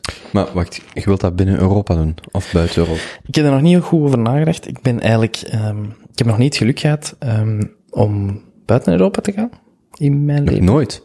Ik ben één keer naar, uh, naar Dubai geweest en dat was het. Um, er waren wel plannen, Amerika, maar uh, waren mijn ouders gescheiden en zo, dus dat ging helemaal niet door. En dan was ik aan het studeren en dan was ik aan het werken en dan, ja, dan gaat het heel snel. En als je ponies thuis hebt? Why go to a ranch in Texas when you have ponies at home? Ja. Of Pony Park City, just around the corner. Ja. Voilà, dus, bedoel. nee, waarom, waarom inderdaad, ja. Nee, is er nog niet van gekomen, dus de, de, uh, Canada lijkt mij een cool land, um, de States, om daar aan zo natuur te ontdekken enzovoort. Ik vind de natuur superleuk, Hmm. ik ben daar graag, ik, ik slaap graag buiten, ik slaap graag in een tent, ik uh, rijd daar graag door met de mountainbike, dus ik denk wel dat als ik rust heb en vrijheid om zoiets ooit te doen, dat ik dat wel echt doe. Dat dat per se op mijn dertigste zal zijn, dat zal een beetje positief ingeschat zijn. Um, maar ik wil dat echt wel doen, ja. Wat heb jij ervoor nodig om, om te beginnen? Gelijk een, een auto wat, of uw vervoersmiddel wat haalbaar is, hm. en deftig genoeg, is dat 15, 25, 35.000 euro? Ik heb daar geen idee van. Minder. Je hebt van die gasten die zoiets kopen met 300.000 kilometer op. Ja. Uh, maar ja, goed. Ja, maar iets waar, waar jij met je vriendin, maar waar je alle twee een consensus... Ja, zo'n zo camionetje, dat kost al wat geld. En dan moet je er nog een half huis in bouwen. Dus ja, dat kun je... Kun, kun je kant en klaar... Ik, ja, je kunt dat kant en klaar kopen. Ja. ja. En dan is dat super duur. Uh, en dan is dat ook niet mooi. Hmm. Uh, dus dat wil ik niet. Nee. nee. want dan is het echt gemaakt om het te verkopen aan... Ik heb nu een, een, een, een eind vorig jaar samen gekocht met Charlotte. Uh, en hebben ook een groot stuk van de verbouwingen zelf gedaan. Beperken, allee, beperkende um, isolatie steken, gyproc, uh, flames, de badkamermuren, uh, al die dingen zelf gezet. allemaal niet zo moeilijk, maar wel kei leuk Hmm. om te doen. Dus zoiets bouwen en zo. Ik ben niet de meest handigste, ehm, maar eens dat je dat kent, is dat allemaal niet zo moeilijk. Je moet gewoon Hmm. goed meten. Tip, goede meter kopen. En goed materiaal. Goed materiaal, absoluut. En een caravan? Dat kun je vandaag al wat oefenen. Nee, nee, Je hebt toch een auto? nee. Trekkaak? Caravan? Nee, nee, nee, dat zegt mij echt niks. Nee. Dan liever de tent, eh, of een matras in een auto, maar een caravan, nee. Waarom niet? Omdat dat, dat je dat maar honderd rijdt op de autostraat. Is, is dat de reden? ja, sowieso. Dat je een berg niet opgeraakt, nee, nee, nee. Dat je de berg niet op Nee, nee. Dat is de slechtste reden. En rijd maar eens achteruit, of parkeert dan maar eens ergens deftig. Nee. Niet zo moeilijk. Of dan rijd je daar door dat Italy's-dorp in Frankrijk. Er bestaan ook veel YouTube-filmpjes, eh, van die mannen dat daar dan in manoeuvreren met een Hollandse nummerplaat en daar dan niet meer uit bro. Wat, wat wel een nadeel is aan zeker staancaravans, maar ook mobiloms en dat soort dingen, is je komt dan ook typisch op een park of een camping waar iedereen een fucking mobiloom heeft, mobiloom, en je wilt je net niet, wel, ik zou me daar nog wel aan ergeren dat ik dan zo iemand van die mensen ben, die zo, hey, je hebt hetzelfde model als mij. Ja, of ja. dan de, de gezellige buur die komt, oh my cool model. of er is zo één douchecabine waar je met al die Hollands kunt gaan stinken, dat is zo, Ah, nee, dat is pas toch op. iets. Dat is wel tof. Toffer dan dat je denkt. Je hebt toch... Je bedoelt die samenhorigheid. Ja, allee, bijvoorbeeld, eh, en nadat we met de Koork ja, op reis waren geweest, ben ik met Charlotte doorgetrokken naar het zuiden, in de buurt van Cassis, en daarbij camping is gedaan. Met tent. Ik slaap graag in de tent, dus ik had Charlotte overtuigd om een paar dagen, dat mocht dan, hè. Hoe liggen. iemand om in een tent te slapen? Ja, Charlotte vindt het leuk om Airbnb, een hotelletje, Ja. meubilair. Eh, dus voilà, ja, Maar hoe overtuig je dan? Kijk ook wel een relatie moet gegeven en nemen. voilà. Ehm, dus, voilà, ik mocht na een paar dagen in de tent, zo leuk dat we zelfs twee dagen... Het is de meegekomen. Uiteraard, nou ja, wat moest dan er doen? Ehm, dus voilà, eh, en dat was daar super rustig. Ehm, je hebt zo van die, waar ik ook nog nooit ben geweest, van die schreeuwerige campings volgens mij, waar ik dan op Instagram van de zomer had gezien, waar het dan mensen naartoe gingen, ja. Dus van die glijbanen en feest en, eh, ja, dat is nu niet per se mijn ding, maar alles wat in de natuur is en nog enerzijds rust heeft, maar toch het comfort dat je een douche kunt pakken en dat je een telefoon kunt oplaaien en je coolbox met Franse kaas in, en toch kunt op, ideaal. Eerder het glamping-principe dan, hè. Om het met een hippe term te omschrijven. Ja, vind ik allemaal heel tof. Ik vind dat zelf ook wel zo. Als het echt puur buiten buiten is, waar je alles zelf moet doen, spreekt mij minder aan. Als ik bijvoorbeeld zelf ga wandelen, vind ik dat heel aangenaam. Dat ik s'avonds in een hut kom. Ik weet dat, ik daar een, ik weet dat daar tenminste een douche en een stapelbed is, of ja, een bed. En dat ik dat heb. En zo, het echt kamperen, kamperen, of uh, hiken dan eerder. Dat is ook wel leuk, maar dat spreekt mij minder aan als gewoon weten van, ah, ik ga daar wel gewoon warm binnen zitten of zo. Ja, Ja, of een gsm kunnen opladen. Ja, inderdaad. Dus in dat verlengde van in de Giro en met de tent en kamperen en zo, zo dat fanlife ding, dat, dat ligt daar wel ergens in. Uh, Wat was de droomwagen? Ja, zo'n dikke Mercedes Sprinter 4 Ah, dus effectief die Sprinter. Ja, om eens van die grote baren op van voor en dan ladder Hmm. van boven en helemaal in het zwart en uh, ja. Als je niet de uiterste luxe uh, uitvoering hebt, ja. wat moet je aan een budget voorzien voor zoiets? Ja, ik weet dat niet hoor. Ja, 40, 50? Ja, of niet zo, niet zo. Ja, het hangt vanaf, als jij gewoon een bed erin gooit en, hmm, en ja. uh, een gasvuurtje meepakt, dan zit ook aan het fan live, maar ja, dat gaan we niet doen. Als we het doen, dan doen we het goed. Maar dus het idee is om dat ooit te doen en dan 1, 2, 3 jaar of... Bijvoorbeeld, ja. ja. Hmm. Maar dan moet dat kunnen, dan moet ik daar financieel genoeg zekerheid in hebben, bijvoorbeeld, of zomaar dingen kunnen achterlaten, want dat gaat ook vandaag allemaal zomaar niet. Uh, ik wil dat, nee, dat gaat ook niet. Ik bedoel, ik ben daar niet, ben daar niet klaar voor, nee.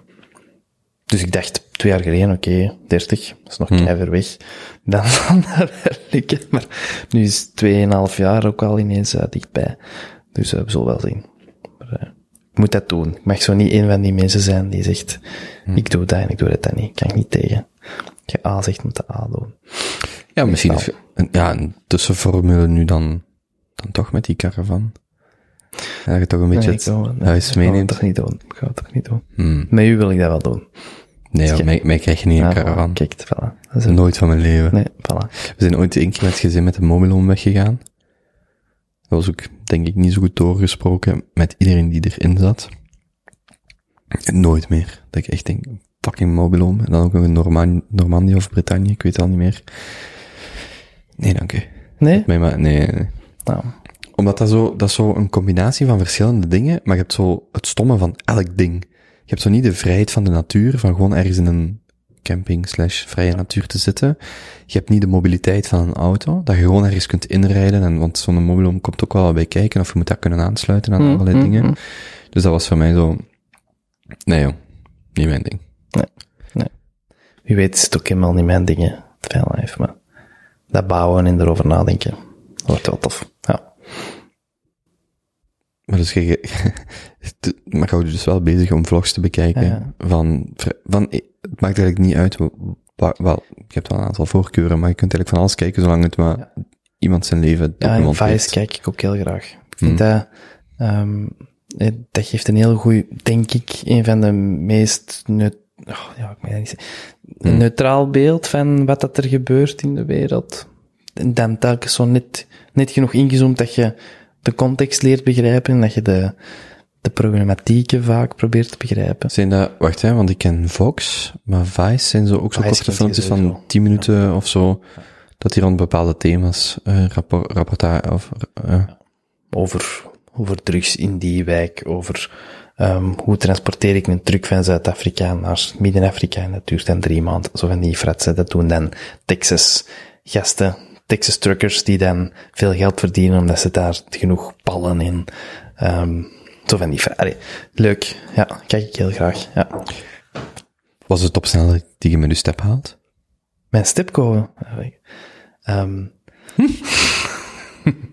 sneller dan eh, 25, ja. Hmm. ja. Maar dat doe ik natuurlijk nooit op de openbare weg. Stel dat je op een vliegveld kunt rijden, wat Ja. denk je dat de theoretische limiet is? Van mijn stip. Hm? Theoretisch is het eh, 40 per uur. Ja. Hm. ja.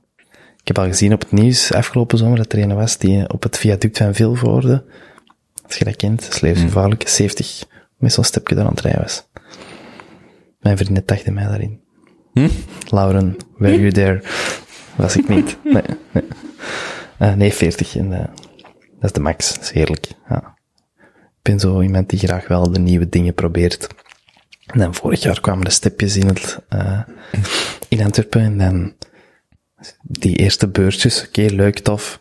Maar je voelt dan vanaf dat je voor een kassei rijdt, dat je bijna de circus tour moet uithalen om daar niet af te vallen. En Hm. Dus ik wou iets goed. Ik was helemaal weg van het step-idee. Wou een goede step. Zo die birds en zoveel vermogen hebben die. Niet genoeg. Nee, maar ik bedoel een wat? 300 of zo. 300, ja. Die van u? Dat is het echt mooi. ja, dus dat is wel een, een goede machine. Mhm. Maar je kunt er dus mee mee in het verkeer tot 40 per uur. Hmm. Dat is eigenlijk veiliger. Alleen ja, België, ja, mag niet. bla. Dus Je moet ook altijd een helm dragen. je moet ook een helm dragen, moet uh, ik een nummerplaat hebben en zo. Dus um, voilà. Het is nog niet voor dagelijks uh, te gebruiken, maar ik vind het wel heel tof om uh, te doen. Ja.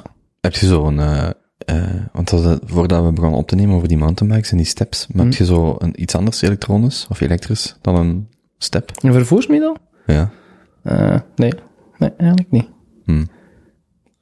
Ja, want zo'n e-mountainbike vond ik ook wel heel cool om ze gaan rond te vegen, zodat je toch iets van sportief hebt. Rond te wat? Rond te vegen. Vegen? Ja, vegen. Ah, Oké. Okay. Ik heb deze week geleerd dat in Limburg zeggen wij blijkbaar uh, um, proper maken. Huh? Of zuiver maken. Zuiver ja, maken. Ja. Maar blijkbaar is het proper maken. En daarom dat ik dat straks ook zeg, zei, uh, vroeg van, um, ik ben al vergeten welk woord dat was. Maar als ik naar hier kwam, dan zei ik tegen iemand, uh, die was zo van zijn tak aan het maken. En ik zei, niet muilen. Zo, wat? Ik zei, ja, niet muilen. Maar blijkbaar is dus muilen in Genk is zo uh, luid praten, ja. van het tak maken. Is niet muilen in Antwerpen. Nee, dus soms ben ik niet helemaal mee. Van uw tak maken, zeg je die. Ja. Maar dus, bij wij zeggen niet muilen. Oei, nee, ja. ja. Grappig. In ieder geval. Maar, dus zo, zo een e-mountainbike. Ik vond dat wel heel cool om ja. uh, een beetje rond te gaan vegen. En, um, ja, dat je zo, ja, die dingen rijden ook 40. Allee, bergaf dan 50. Hm. Dus je kunt daar echt wel hard mee gaan, maar ja. ook op een mountainbike track, ik weet niet hoe hard je met een reguliere mountainbike gaat, maar die dingen zijn ook gewoon echt stevig en dat is heel leuk om te doen. Ja, Dat is zo, wow. dat is de max. Ja. Ik krijg ook met de gewone mountainbike regelmatig. Ehm, ja, je kunt daar hard mee gaan, hè, zo hard als dat je het beestje kan trappen. Hè. Het is heel plezant. Zeker in de winter. In Put, hè, waar dat ik dan mijn eh, tweede jeugd vanaf mijn 16 jaar heb meegemaakt, dat is eigenlijk het walhalla van de, van de fiets, eh, sport, zeg maar. En Mathieu van der Poel bijvoorbeeld, hè, de, de koning van de fiets, hè, eh, recentelijk, die komt ook vandaar. Die heeft al leren mountainbiken, maar de, die op dezelfde banen ook bijna op zijn koersfiets gaan in dezelfde buurt. Dus, prachtige buurt. Dus daar rijdt er op zondag altijd vol mee mountainbikeclubs en uh, wielerclubs en uh, dus voilà, als je daar dan woont, dan heb je ook vrienden die op de mountainbike zitten. Nou ja, mountainbike. Ik heb daar ook mijn whiplash gehad op mijn 16 jaar. Dat was super tof. Wat is dat? Whiplash. Ja, of hoe krijg je dat? Ja, dat is dus dat we niks zo. Um, en die, sorry, jij wist. um, ja, we waren aan het, uh, aan het fietsen in de buurt van Huibergen. Dat ligt onder Bergen op Zoom in Nederland.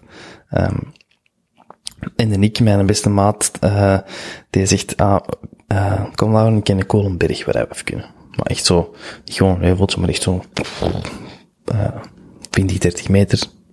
He, voor in Nederland, platteland, uitzonderlijk. Hmm. Dus moeten we gezien hebben, moeten we gedaan hebben. Dus goed, we rijden naartoe. De Nick moest boven nog even uh, een plasje doen. En ik ging al naar beneden. Ik zeg, Nick, ik kan al, oké, okay, is goed, tak. Dus ik kan al naar beneden, heel stijl. Um, en beneden was er zo'n zonk, zoemp. En daar is eigenlijk uitgegraven voor een, jump, een jumpje te maken. Hmm. En daarachter hadden ze zo een put gelaten. Uh, voor dat te kunnen maken. Dus wat gebeurt er? Ik pak dat waarschijnlijk niet goed en ik kwam mijn wiel recht tegen 30, 40 per uur, want als snel gaat er wel een heiling, tak, in die put terecht. En ik val van mijn fiets, toek, en mijn hoofd tegen een boom of zo. Hmm. En um, ik weet het eigenlijk niet meer tot in de ambulance eigenlijk. Um, gelukkig zaten we dicht bij een huis.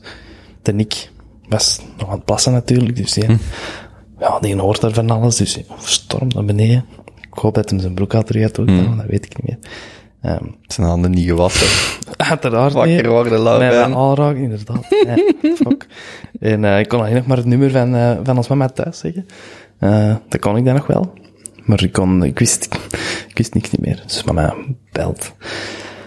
Nee, dan ik belt naar ons moeder, ja, de Lauren is gevallen. En, we waren 16, maar ook nog maar 16. Hè. Mm.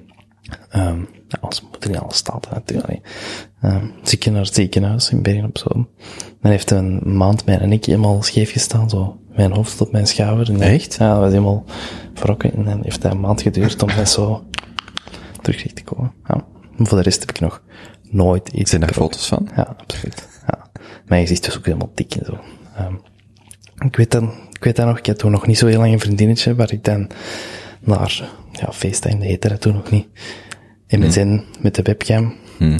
Dan dat kon laten zien. Ja, dat wel amusant. Dus ja, kijk. Mijn uh, zot mountainbike verhaal. Maar je hebt daar niks, je hebt daar niks aan overgehouden. Ik heb wel, als ik uh, op een festival sta of zo, uh, lang recht sta, dat dat wel allemaal bijeentrekt en zo. Maar voor de rest, ja, niks. Ik kan ook niet lang een rugzak dragen, dus als je met mij gaat wandelen, jij moet hem dragen. Ik kan dat niet. Ah, bijvoorbeeld als je echt gaat hiken of zo, Ja. langer. Is dat dan echt al na 5 of 10 kilometer? Daar bent je? Ik er af. Maar niet super lang, ja. ja. Ja. Maar voor de rest, ik heb er geen last van in het, uh, in het dagelijkse leven. Dus dat valt mee. Ik heb ook iets nieuws gekocht onlangs, de nieuwste hype. Zo mee. Nieuwe MacBook? Nee, ja, nee, met blauwe glazen zo. Voor je scherm. Zonnebril? Tegen de hoofdpijn. Nee, Ah, blue, Zo tegen dat- blue lights. Ja, ja, ja, tegen dat. Helpt dat? Dat weet ik nog niet. Ik weet het morgen. Dat is nog niet, dat is nog niet aangekomen. Dat is er niet aangekomen. Maar ik probeer dat al graag. Dus ik naar doen. YouTube kijken en ook nog in slaap vallen vlak daarna. Ja. En een nieuwe look. Want Ik heb geen bril Maar ziet er een beetje fancy uit? Ja, heel fancy. Hoe heet dat? Eh, bril. Maar ja, heeft dat, is dat een, Dat is van een merk. merk Ja, of dat is zo? van in Asian Tate of zoiets, kan dat gaan halen. Hmm. Ja. ja, leuk. Oké, ben benieuwd. Ja, weer dat pipi doen. Oké, eh, Sorry. daar is eh, het toilet. Je zei voor nog dat observeren. Dat is nog leuk om over te praten. Vind ik absoluut leuk. Ja. Ehm, Dat is een gedeelde passie met Charlotte. Wij kunnen op een terras gaan zitten. Ik denk dat veel mensen dat kunnen. Eh, ja, en staren kijken naar de mensen. Ik vind het vooral heel erg leuk. En eigenlijk mag ik dat niet te veel doen, want ehm, om op na te denken wat voor iemand dat iemand is. Ehm, is dat, eh, je, je doet dat hè, op uiterlijk, op houding, op manier van wandelen, op iemand horen praten over iets, dan, ja, dan gaat er bij mij direct op restaurant bijvoorbeeld, als wij naast een, een ander koppel zitten of, of naast een andere tafel en nu is allemaal meer afstand, maar daarvoor, ja, is de max hè, gewoon dat je kunt, ik heb ook een jaar in, de, in een restaurant gewerkt tussen Deltarex en Studer. Ja, dat is de max, hè. Sta je daar achter je bar, je glazen af te wassen, en kun je gewoon heel die mensen hun levensverhaal mee horen. De discussies dat die voeren over weet ik veel wat allemaal. Ik ken nu niet direct zo'n zot verhaal, maar ja, ah wel. Zo van die koppels die op eerste date kwamen. Was in de Chefrit in de Kloosterstraat dat ik een jaar heb gewerkt. Een klein um, brasserie-restaurant. Ehm, in de kunstbuurt, hè, voor mensen die Antwerpen minder kennen, met veel van die meubelwinkels. En um, ja, daar kwamen dus, uh, kwamen dus regelmatig wel eens zo wat mensen op date. Dat was zo'n typisch restaurant, niet te breed, dus je zit daar aan een tafeltje met twee gezellig. Ja, en dan zaten die natuurlijk vlak voor je neus aan de bar. En dan zie je zo de, de onwennigheid bij de ene, bij de andere, en over wat die dan praten. Ja, dat vind ik de max. Echt heerlijk. Of, of onlangs, Charlotte was gaan tennissen en ik kwam kijken, want ik, had mij, ik vond mijn raket niet, dus ik kon niet meedoen. Vet. Dus ik dacht, oké, als niet erg, ik zit mij gewoon terras naast een tennis kijken. Leuk. En naast mij, dat was in Essen. Dat is echt het noorden van Antwerpen. Um, kwam er een, uh, een, een koppel zitten. Allee, een man en een vrouw, die komen aan.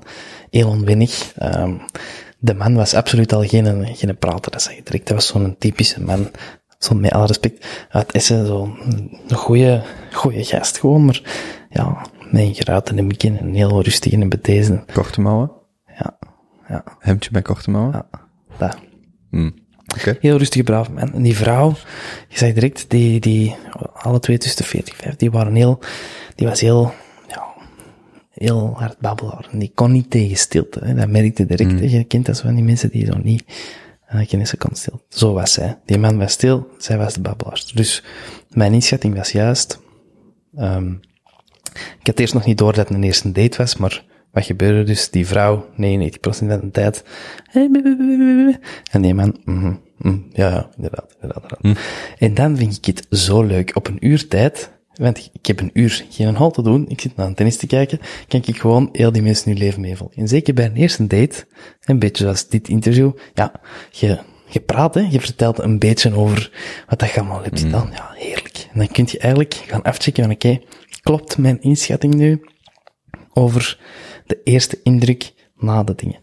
Ik ben er ook al heel vaak in vergist. Um, ik vind dat wel echt heel leuk om, om proberen mensen in te schatten.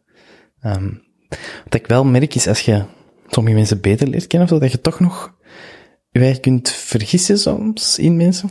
Vaak kun je er wel zo iets op plakken van, ah, ik denk dat een die dat gaat vinden, ik denk dat een die dat waarschijnlijk niet leuk gaat vinden, of dat wel, of ik moet die mens zo aanspreken, of ik moet die zo aanpakken, of daar kun je beter dat wel of niet doen, maar nee, ik ben daar wel mee bezig. Ik vind het heel leuk om uh, mensen te observeren. Zeker in zo'n situatie van een date. Ik vind altijd stresssituaties in het algemeen heel leuk om mensen te observeren. Ja. Dus als ze te laat zijn ergens en je zit ermee in de auto. Gewoon zo, kijk zo. oh, dat licht, lachen. dat licht Ja. springt op oranje en we zijn al te laat. Zo, dat, dat ja. Eh, en nu moet ik ook aan mezelf denken als we spelletjes spelen. Maar eh, Weten, de, weten uw volgers dat alcohol? ik denk dat niet. ik, weet, ik weet niet of die anekdote ook zo goed is. Nee. Maar eh, ja, Als je ooit de kans krijgt om met de kopen een, een gezelschapsspel te spelen, of een spel, dan kun je maar beter goed de regels van het spel kennen. Want wees maar zeker, Kobe kent ze minstens even goed. En het moet juist zijn. Voilà. ja, Ja, Ja, ik ga me daar echt niet opjagen. Ik, ik ben mij nu wel aan het opjagen. Ik denk dat wij in groep twee keer Time's Up hebben proberen te spelen. Ik ben twee keer afgebold. Ik ben er niet vier op. Maar ik zou het wel op, waarschijnlijk opnieuw doen. waarschijnlijk wel. maar kijk, dat is dan, dat zijn zo van, dan van die onverwachte dingen. Dat zie Ja. je niet aan u, hè. En dat vind ik dan... Maar, dat is leuk. maar daarom Ja. dat stressmomenten of momenten van zo intensiteit zijn heel leuk, want dan, dan, dan zie je echt zo, wat doet iemand als die niet rationeel denkt, Allee, of veel minder ruimte heeft om na te denken, of om zich te bedwingen. En dan is dat zo, wow, dat is heel cool om te zien wat er dan gebeurt. Inderdaad. Hm. Ja, ik vind, ik vind bijvoorbeeld cool, jij kunt... oh, Allee, ik wil, ik wil er niet te lang over praten, maar jij kunt echt kwaad worden. Ik kan dat bijvoorbeeld niet. Ik kan niet kwaad worden. Ik ben... Dat is mijn grootste... ehm ja, beperking eigenlijk ook. Ehm, je hebt zo mensen die echt eens een keer goed kunnen zeggen waar het op staat en uitvliegen. En ik ben heel conflictvermijdend om daar dan ten op te plakken.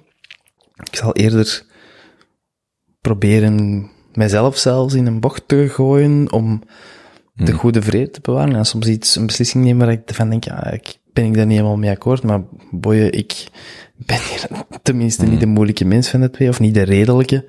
Redelijkheid is heel belangrijk.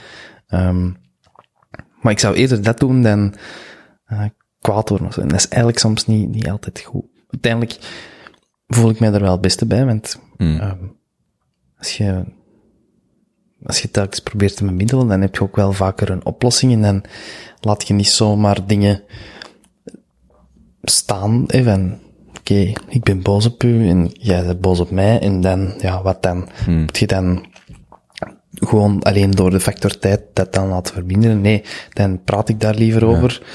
Het probleem bij boosheid is dat je soms ook br- bruggen opblaast of, of je, de boosheid of de impact van die situatie overstijgt vaak het, het effectieve probleem of de situatie waar het over gaat. En daar moet je voor oppassen dat je, dat je van een mug geen olifant maakt. Voilà. Dat je van een klein probleem, dat dat niet nasleept en nasleept. En dat is wel moeilijk als je emotioneel reageert op dingen, om dat dan te beperken tot dat één ding. En ja, dat is daar dan het nadeel van, denk ik. Inderdaad. Maar zo eens risk spelen. Heel goed. Ja, dat is prima. Dat is prima. Laatste keer dat ik dat gespeeld heb, twee maanden geleden, met twee echt pummels. Maar die hadden nog niet zoveel gespeeld. Dus na vijf rondes, of tien of zo, ik was eigenlijk al vrij hard aan het winnen, want ik had Noord-Amerika en Zuid-Amerika. Dus dan zit je elkaar Ik had eigenlijk al heel snel Noord-Amerika, dus kunnen ze weinig doen. En die zeggen zo doodleuk in de ronde 5, 6, 7. Ah ja, Koop is wel goed aan het spelen, hè? Kom, we gaan gewoon tegen hem spelen. Ah, ja. En, en ik, ik heb daar begrip voor. Hè? Dus ik heb begrip voor het feit dat je met twee zegt, we gaan tegen iemand spelen. Maar waar ik dan geen begrip voor heb, is dat je hebt dan Noord-Amerika, helemaal linksboven is dan Alaska, denk ik, wat grenst met Azië. Dus die Charles, die Azië had, die laat dan letterlijk zo vijf man daar staan. Zo van, kijk, je mocht samen tegen mij spelen, maar je zit echt Alles. ja, dus die had dan Azië, die andere Pasha had Europa, en die verdedigt geen een van die grenzen. Gewoon puur om mannen te, legers te verzamelen tegen mij. En dan denk ik, oké, je mocht tegen mij spelen, vind ik niet erg, maar je zit alle lo- in Oekraïne niemand zetten, of één mannetje, dat gaat mis. Je gaat, één van die twee gaat sowieso ook verliezen. Ja. Ja, maar dat zien we zelfs wel. en dan zit ik daar, en dan denk je echt, ik word simpel, hè. Ik word echt simpel van, oké, je mocht tegen iemand spelen, maar je moet wel eerst jezelf beschermen. En dan zit ik daar, dan denk ik, ja, jongens, ik, ik ja, ja, wel. Misschien nog een podcast-idee. Ik merk dat wel bijvoorbeeld bij poker. Ik speel dat graag, maar ik weet heel goed, ik heb niet temperament. Ik zal nooit een top, ik zou nooit een topspeler kunnen zijn, omdat ik daar het temperament niet voor heb. Ik kan wel zo af en toe eens iets beter spelen, en af en toe eens iets slechter. En gemiddeld zal ik min of meer hetzelfde behouden als wat ik heb. Maar ik zou nooit een topspeler zijn, omdat ik veel te, mij veel te hard opjaag of zo. Wel dat dat ook leuk is om te doen. Ook leuk. En dat vormt ook wie dat je zei, ik bedoel, dat maakt ook iedereen tof. Voilà. En ik zal dan eerder een mens zijn die zegt, ah, Kobe, hè, kunnen we niet. Hè. Of niet. Want eigenlijk, Nee. als het over spelletjes gaat, dan vind ik het net wel heel tof Ja. om daar eh, nog wat olie op het vuur bij te gooien. Zou ik ook wel zo'n pummel zijn, Erik. Ja, maar ik zou dat ook doen. Zeker als ik weet dat ik Ja. daarmee op je paard kan gaan. Maar exact, ja. Absoluut. Als je weet dat je iemand kunt opjagen, dan, zou ik- dan ben ik nog de persoon die op voorhand zou zeggen, hey, je weet dat we die keihard kunnen opjagen. Wat denk je? Absoluut doen. Zeker als het om te lachen is. Zeker als het om te Ja, lachen is. ja nee. Speelt je ook uh, Rummy Cup? Ja, absoluut. dat kunnen ook wel eens. Want ik weet dat, dat Amy is hier geweest en er zijn nog een paar mensen die echt wel graag Rummy Cup spelen, omdat dat zo, dat is het nadeel van eh Risk en Monopoly en zo. Je hebt daar gewoon heel veel tijd voor nodig. Wat wel gaat, maar je moet, echt al, moet het al echt graag doen. Terwijl Risk kun je zo, eh, sorry, Rummy Cup kun je zo, ja, je kunt een paar spelletjes spelen dat duurt maar 20 minuten per ronde of zo. Ja, is een goed idee. En daar moet je toch een beetje voor nadenken. Ja. Niet gelijk, pardon, niet gelijk Risk of Monopoly, maar toch een beetje. Kom. Fijn. Veel plannen, veel vooruitzichten. We gaan mountainbiken, we gaan Remicap spelen. Oh ja, moet maar. Nou, komt goed. Zit jij ook eens gaan laseren onlangs? Zeg je niet dat, dat er zo... Nee, nee, dat werd jij niet. Er waren over laatst een aantal mensen. Dat was Jozef en een paar vrienden. Blijkbaar kun je hier ergens in Antwerpen, het is niet paintballen en het is niet... Lasershooten. Ja, maar ik, ik dacht dat het, het is gelijk lasershooten, maar er was nog een, iets, het, het was nog een beetje anders. Maar ik, maar, Hm. ik denk dat het gelijk lasershooten was, maar het was blijkbaar wel heel cool. Maar ik denk dat er ook effectief geschoten werd. Eh als in, gelijk zo BB-guns, maar ik, ik weet niet exact wat. Lasershooten Ja. is ook leuk. Nee, tegen geweld. Ja, Doe ik niet. Ja, nee. doe- Je speelt GTA 5, jong. Alleen maar om met de auto's rond te rijden. Ja, maar, Niks met geweren. dus jij gaat, nee, jij gaat niet ja, paintballen? natuurlijk wel. Jawel, wel. Ah, tuurlijk. Absoluut. Zeker weten. Hoe harder, hoe beter. Plezant. Ja. Heel tof. Vind je het leuk om een sportmens pijn te doen? Bijvoorbeeld als je met een paintbal Nee, nee, nee, nee. nee maar ik bedoel nee, niet nee. pijn, maar ik bedoel niet op iemand zijn ogen mikken of zo. Nee, nee, nee, niet Ik bedoel zo- pervers. Ja, tuurlijk, een beetje. Allee, op de gyro's batteren wij ook wel eens, bijvoorbeeld. Hè. Batteren is gewoon zo uh, borstelen-achtig. Tuurlijk is dat leuk. Dat is kei plezant. Dat kun je nog eens een keer eh, ja, doen waar dat... Zit jij dat die graag worstelt? Ja. Heb je dat niet met iemand gedaan in Frankrijk? Eh, Of om de een of andere reden herinner ik mij dat, je ooit, dat ik u precies heb zien worstelen. Of dat heb zien horen voorstellen. Ja, dat kan wel. Ja, dat kan wel, dat ik Hmm. dat soms eens zeg. Maar ik zou dat zeggen tegen mensen waarvan dat ik weet dat weet ergens equal- nee, niet per se winnen, maar dat ergens equal is. Ik bedoel, ehm allee, bijvoorbeeld op Girocamp, ja, oké, ik doe dat dan tegen een gastje, ja, die weegt 20 kilo minder als ik. En- maar die doet dan wel, ehm ja, een gevechtssport, judo of karate. Of, maar ja, of kickbox of weet ik veel, maar ja, daar kun je niks mee doen als je vriendschappelijk wat gaat worstelen. Dus eens dat ik mijn gewicht kan gebruiken, ehm ja, dan is het gedaan. Hè. Dan, maar dat vind ik heel leuk. Vind ik heel leuk. wil wel eens met u worstelen. Zie, ik ben al vrij terughoudend om ja te zeggen. Zegt veel over die lijn, maar, Maar ik, of mijn inschatting over u. mogelijk, maar ik zeg het vandaag ook in de Jutsi. Joh, als er iemand van 100 kilo opgelegd, dat is echt zo... Dat komt aan, hè. ja, maar, nou oké. Ja, kijk. Terug naar dat observeren. Ehm wat is het, het toppunt, als je nu morgen carte blanche had, waar heb je dan zitten om mensen in de gaten te houden?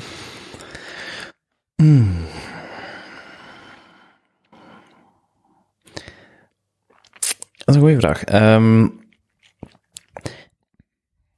ik houd wel van de specialetjes. En als ik ze goed, als ik goed kan, kan, kan meeluisteren. Ehm, dus ergens een plek waar mensen een bepaalde tijd zitten, dat je echt mee het verhaal kunt volgen. Dus zoals bijvoorbeeld op restaurant. Hmm. Ideaal. Ideaal. Echt waar. Ideaal. Het enige vervelende is als sommige mensen dan ineens doorhebben dat uw gesprek eigenlijk niet bestaat en dat je al tien minuten niks tegen elkaar hebt gezegd, omdat je zo eigenlijk al een kwartier aan het meeluisteren zijn aan een andere. Ja, dan is dat soms een beetje gênant. Maar kijk, ja, dan moet het maar, dan moet het maar niet op restaurant vertellen. Hè.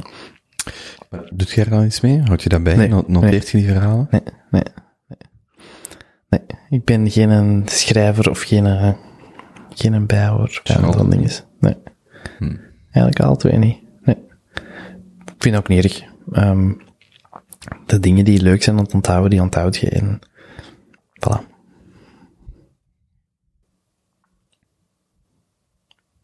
Dat is toch, als mu- muzikant kan ik me voorstellen dat dat ook leuk is. Jij zit achter je piano. Mm. En eigenlijk observeert je ook constant het publiek. Als je durft kijken, hè. Echt? Ah ja. De reden waarom veel muzikanten hun, hun, hun ogen te doen. Maar durf je kijken? Soms. Meestal wel. Maar van een bepaalde tijd, piano ja, zit je toch veiliger als bijvoorbeeld de zanger of zangeres? hangt er vanaf. Ja. Ehm, bijvoorbeeld met die begrafenis zal ik niet snel Ja. dat publiek in de ogen kijken. Nee, maar Ehm, goed, maar dat is ook een extreme situatie. Als ik zenuwachtig ben, of met een trouw, mensen komen binnen, de, de bruid komt binnen, ik zal gefocust on, eh, op mezelf of op, of op mijn toetsen. Als je dan afgeleid wordt, dan zit je van de baan. Maar als je op 24 oktober Maar- in de muze zit, Tuurlijk wel. Dan heb ik u zien zitten en komen. maar dan observeert je ook die mensen. Tuurlijk, tuurlijk, tuurlijk. Maar dat is anders. Dat is Ja. anders. Dat is veel losser. Ja. Maar als je zo stress hebt, dan gaat het niet rap. Ja. Dat eigenlijk stom. Ik bedoel, zo, examens in de muziekschool, in een veilige omgeving, met een leerkracht die sowieso voor de rest van je leven tien keer beter speelt als u, die het helemaal oké vindt om aan aan u les te geven, daar zit je zoveel zenuwachtiger voor dan te mogen gaan spelen in het coolste café van Antwerpen. Allee. Ah, is- dus Ja. daar zit je veel zenuwachtig op. Ja, echt. Nog altijd. Vorig jaar had ik examen. En zit ik er echt, ik ben dan, en dan zeg ik tegen mijn eigen, hey Lauren, kom aan. Je bent nu 26 jaar, je doet dat al lang, allee, echt al lang. Je kunt dat. En toch zit jij hier met zweetpolletjes en, ehm ja, belachelijk. Ik kan er niks op plakken. Nee. Maar, allee, het zit mij morgen ergens waar ik dan een uur moet spelen, ja, met veel plezier. Met de grote grimlach. Ja, het is heel raar. Ja, ik weet niet hoe dat komt. Omdat je ergens het gevoel hebt dat die mensen nu, ja, die moeten nu beoordelen. Ehm, dus je wilt het echt, dat die in een moment goed is of zo. Ja, ik weet het niet. Maar ik heb dat met niet veel dingen. Dat is, dat is eigenlijk zo het enigste. Bijvoorbeeld een concert met koor, geen zenuwen voor. Niks. Omdat je er ook op in het geheel natuurlijk. Hmm. Ja, het is wel leuk. Denk maar goed na over het lied dat je wilt. Ja, maar het mag dus Zingen. niet één van die twee zijn, hè. Want dat is alle twee klassiek, denk ik. Nee, nee, geen klassieke, toen ik niet. Ja, maar ik denk dat dat klassiek is. Ja, nee, dat is klassiek. Ja, maar een ander. Denk maar eens goed na. Maar het mogen dus ook covers zijn. Ja, het moet ook niks met piano zijn. Ik maak daar wel iets van. Dat denken mensen dan. Ah, het moet iets zijn waar een piano in voorkomt. Nee, Mm-mm. dat, dat moet niet. Dat moet niet. Er is een wat ik heel mooi vind, maar dat is, dat is al mijn piano. Dat is, hmm. Maar mag je? Huh? Kunt je het zingen? Of zeggen, titel? Nee. Eh, ik moet eerst zelf even beluisteren. Ehm, Doe maar. er zijn sowieso wel een aantal nummers die, maar ik moet zo in mijn spel. Ik heb dat altijd, dan denk ik zo, dan ben ik aan het luisteren en denk ik, dit nummer ga ik nooit vergeten als ik daar aan moet denken. En dan moet je eraan denken en zo, oh, oh welk nummer was dat nu weer? Titels. Ja, terwijl als ik zelfs er op Spotify ga, dan van, ah ja, tuurlijk, dit of dat. Maar jij zou, jij zou bijvoorbeeld, ehm nu perfect, eh wel perfect, jij zou nu, eh ik zeg maar, hoe heet dat nummer van de Bloodhound Gang? ehm Bloodhound Gang. allee, jong. You and me, baby, we ain't nothing but animal, um, mammals. Ja. So let's do it like they do on the Discovery Channel. Allee, weet weer. Eh, Ja. Ja, Oh, ik ken het, ja. Like zoiets zou Dat jij kan ik nu nu... spelen, ja. In de juiste toonaard. Ja. Maar ik ken die titel van dat lied niet. Je hebt eigenlijk Ja. zo twee soorten muziekliefhebbers vaak. De mensen die, um, bijvoorbeeld, ik heb vrienden van mij die, die kennen elke rockgroep. Die kennen al die zangers. Die kennen wanneer die geboren zijn. Die kennen wanneer die gestorven zijn. Die weten de naam van die vrouw, van die kinderen. Die weten wel voor soort gitaar. Echt, no joke. Alles, die kennen al die albums rots aan buiten. Als je popquiz speelde vroeger, zo'n tijdje een hype op je gsm, dat je zo nummers moest stralen om ter eerste binnen zoveel tijd. Die wonen dat allemaal. Direct titels, bam, bam, bam. Maar die speelden dan geen muziek en die, en ik ken dan eigenlijk helemaal geen je kunt dat op heel veel manieren beleven, hè, muziek. Dat is wel cool. Weet je nog van vroeger in YouTube, er waren zo een aantal filmpjes die viraal gingen. En ik denk het meest bekende toen was zo Charlie Bit My Finger, van die twee baby's met Ow Charlie. En dan was er The Evolution of Dance. Dat was een vent, die zo vijf, een comedian, die zo vijf minuten lang uh, muziekstijlen van de jaren 60 tot en met 2010 dan min of meer deed. En er was een derde filmpje, dat is later denk ik, maar dat is ook enorm populair geworden, was van um, The Axis of Awesome. Four chord song. Ja, de four chord. En dat is echt zo dat je naar zit te kijken, dat hij dan met dezelfde vier akkoorden, uh, quasi alle popnummers, konden coveren, of toch de popnummers die op dat moment eh, bekend waren. En ik weet nog dat zo'n filmpjes zijn ook wel zo van, ah ja, juist, met die vier akkoorden, en die bracht je dan ook op een grappige Ja. manier. En zo, hmm, dus, zo, heb je daar nooit over nagedacht, en dat, dat dat aan zich dan niet zo complex is. Jawel, en dat, en dat is dan wat ik bedoelde met, ik zal, als jij ooit trouwt komen, wat ik eh, van harte hoop, want ik weet dat jij dat wilt, ehm, denk ik toch. Ja, ja, ja voilà. Ehm, en jij zegt een lied tegen mij, en daar is vier akkoorden, en ik dat met veel plezier speel. Maar dat is wat ik bedoelde met, ehm, voor mij is het veel leuker als daar een heel andere soort dynamiek in zit, met veel meer dingen zitten. Maar doet jij dan ook bijvoorbeeld een openingsdans of zo? Dat we vorig jaar eens gedaan. Ja, ja. Dat kan. Hmm. Allemaal de boeken. Ja. Oké, ik ben even een scenario Denk aan het afspelen. Ja, maar ik zie het al helemaal voor mij. Welk nummer, dat, dat, ja, is wat. Kan. Er zijn nog mensen dat dat kunnen, maar eh, dat kan. Ja, absoluut. Met veel plezier. Oké, goed. Ik ik- Oké. Zeker als het in Zuid-Frankrijk is of zo, dat je dat van plan zijn. Waar zou jij het? Eh, als dan ergens ehm, op een groot veld en dan alleen maar live muziek, geen DJ's en ehm, West-Vlaanderen. eh, veld. Nee, niet, zo, niet geen boerenveld, maar met een mooie tent in, in een grote dansvloer en alleen maar live muziek en iedereen mag blijven slapen. En ik wil, allee, dat is tegen mijn business, maar, allee, ook niet, maar zo niet in een klassieke feestzaal of zo, dat is niet, Hmm. maar ja, nee, nee, nee, nee, buiten, buiten. Ik ken nog iemand met een weiland in Putten. Ah, voilà. Kijk, ja, Zou je niet zo... Maar je zou wel groots willen. nee. Maar ik weet nog niet of ik wil, ooit wil trouwen komen. Maar Wel gewoon- feesten. Ja, ja. Ja, gewoon voor je het kunt ook feest, gewoon- voilà, ja, maar je kunt ook gewoon een feest doen om je liefde te vieren. Absoluut. Of geef het kind zijn naam. Liefde vieren doet je elke dag komen. Ja, maar niet met 50 anderen. Of 100. Allee, ik weet niet hoe. Als ik het doe, en, eh, of als Vrijgevig, uw doen, dan relatie. is dat sowieso ehm niet meer voor tien man, hè. dat is belachelijk. Nee, Al maar, die moeite, ja, dan is het voor... Zo 50 à 100 mensen, En hoe simpeler dat je feest doet, met voor veel meer volk dat je het kunt doen. Dat is kei plezant. Cool zou dat zijn, een vijf voor, met duizend man, allemaal mensen dat jij kent. Dag. Ja, Toch? sowieso. Voilà. En dat is veel leuker dan het stijve drie gangen diner en, allee, Ja, er is ook een plaats voor. Ja, maar is ook dat een is ook plaats voor. anders, tuurlijk, tuurlijk. Ik vind dat nu al, lijkt mijn verjaardag is over drie weken. En ik weet zelfs niet officieel wat de, reden, de regels zijn om, om een feestje te geven. En met een feestje bedoel ik niet dansen of zo, nog niet per se, maar gelijk mijn housewarming. Ik weet niet, wacht, wacht hè? Ik was er. Ja, Maar Charlotte niet, hè? Jij wacht. Ja. Zoiets bijvoorbeeld. Gewoon een beetje muziek op, wat mensen samen. En gewoon het feit dat je dat niet kunt. Ja, want ik denk dan al direct zo, ik heb wel een lijst van 20, 30, 40 mensen in mijn hoofd. De- allee, Als ik het, Ja. dat zit dan in mijn hoofd. Als ik het doe, dan nodig ik direct een heel aantal mensen uit, maar dat mag gewoon niet. Of ik weet zelfs niet wat officieel nu de regels zijn voor zoiets, maar Ik weet het ook niet meer, ik het niet meer. Dat is gewoon, dat is gewoon jammer, hè. Maar ja, ooit komt dat terug, hè. En dan wordt het allemaal heel leuk. Hm. 2021 wordt een dik feestjaar. Ik deed net naar de camera. Met mijn vuist van, eh yeah. gelijk een voetbalsport. Ja. Is er iets wat we nog moeten bespreken, aanhalen?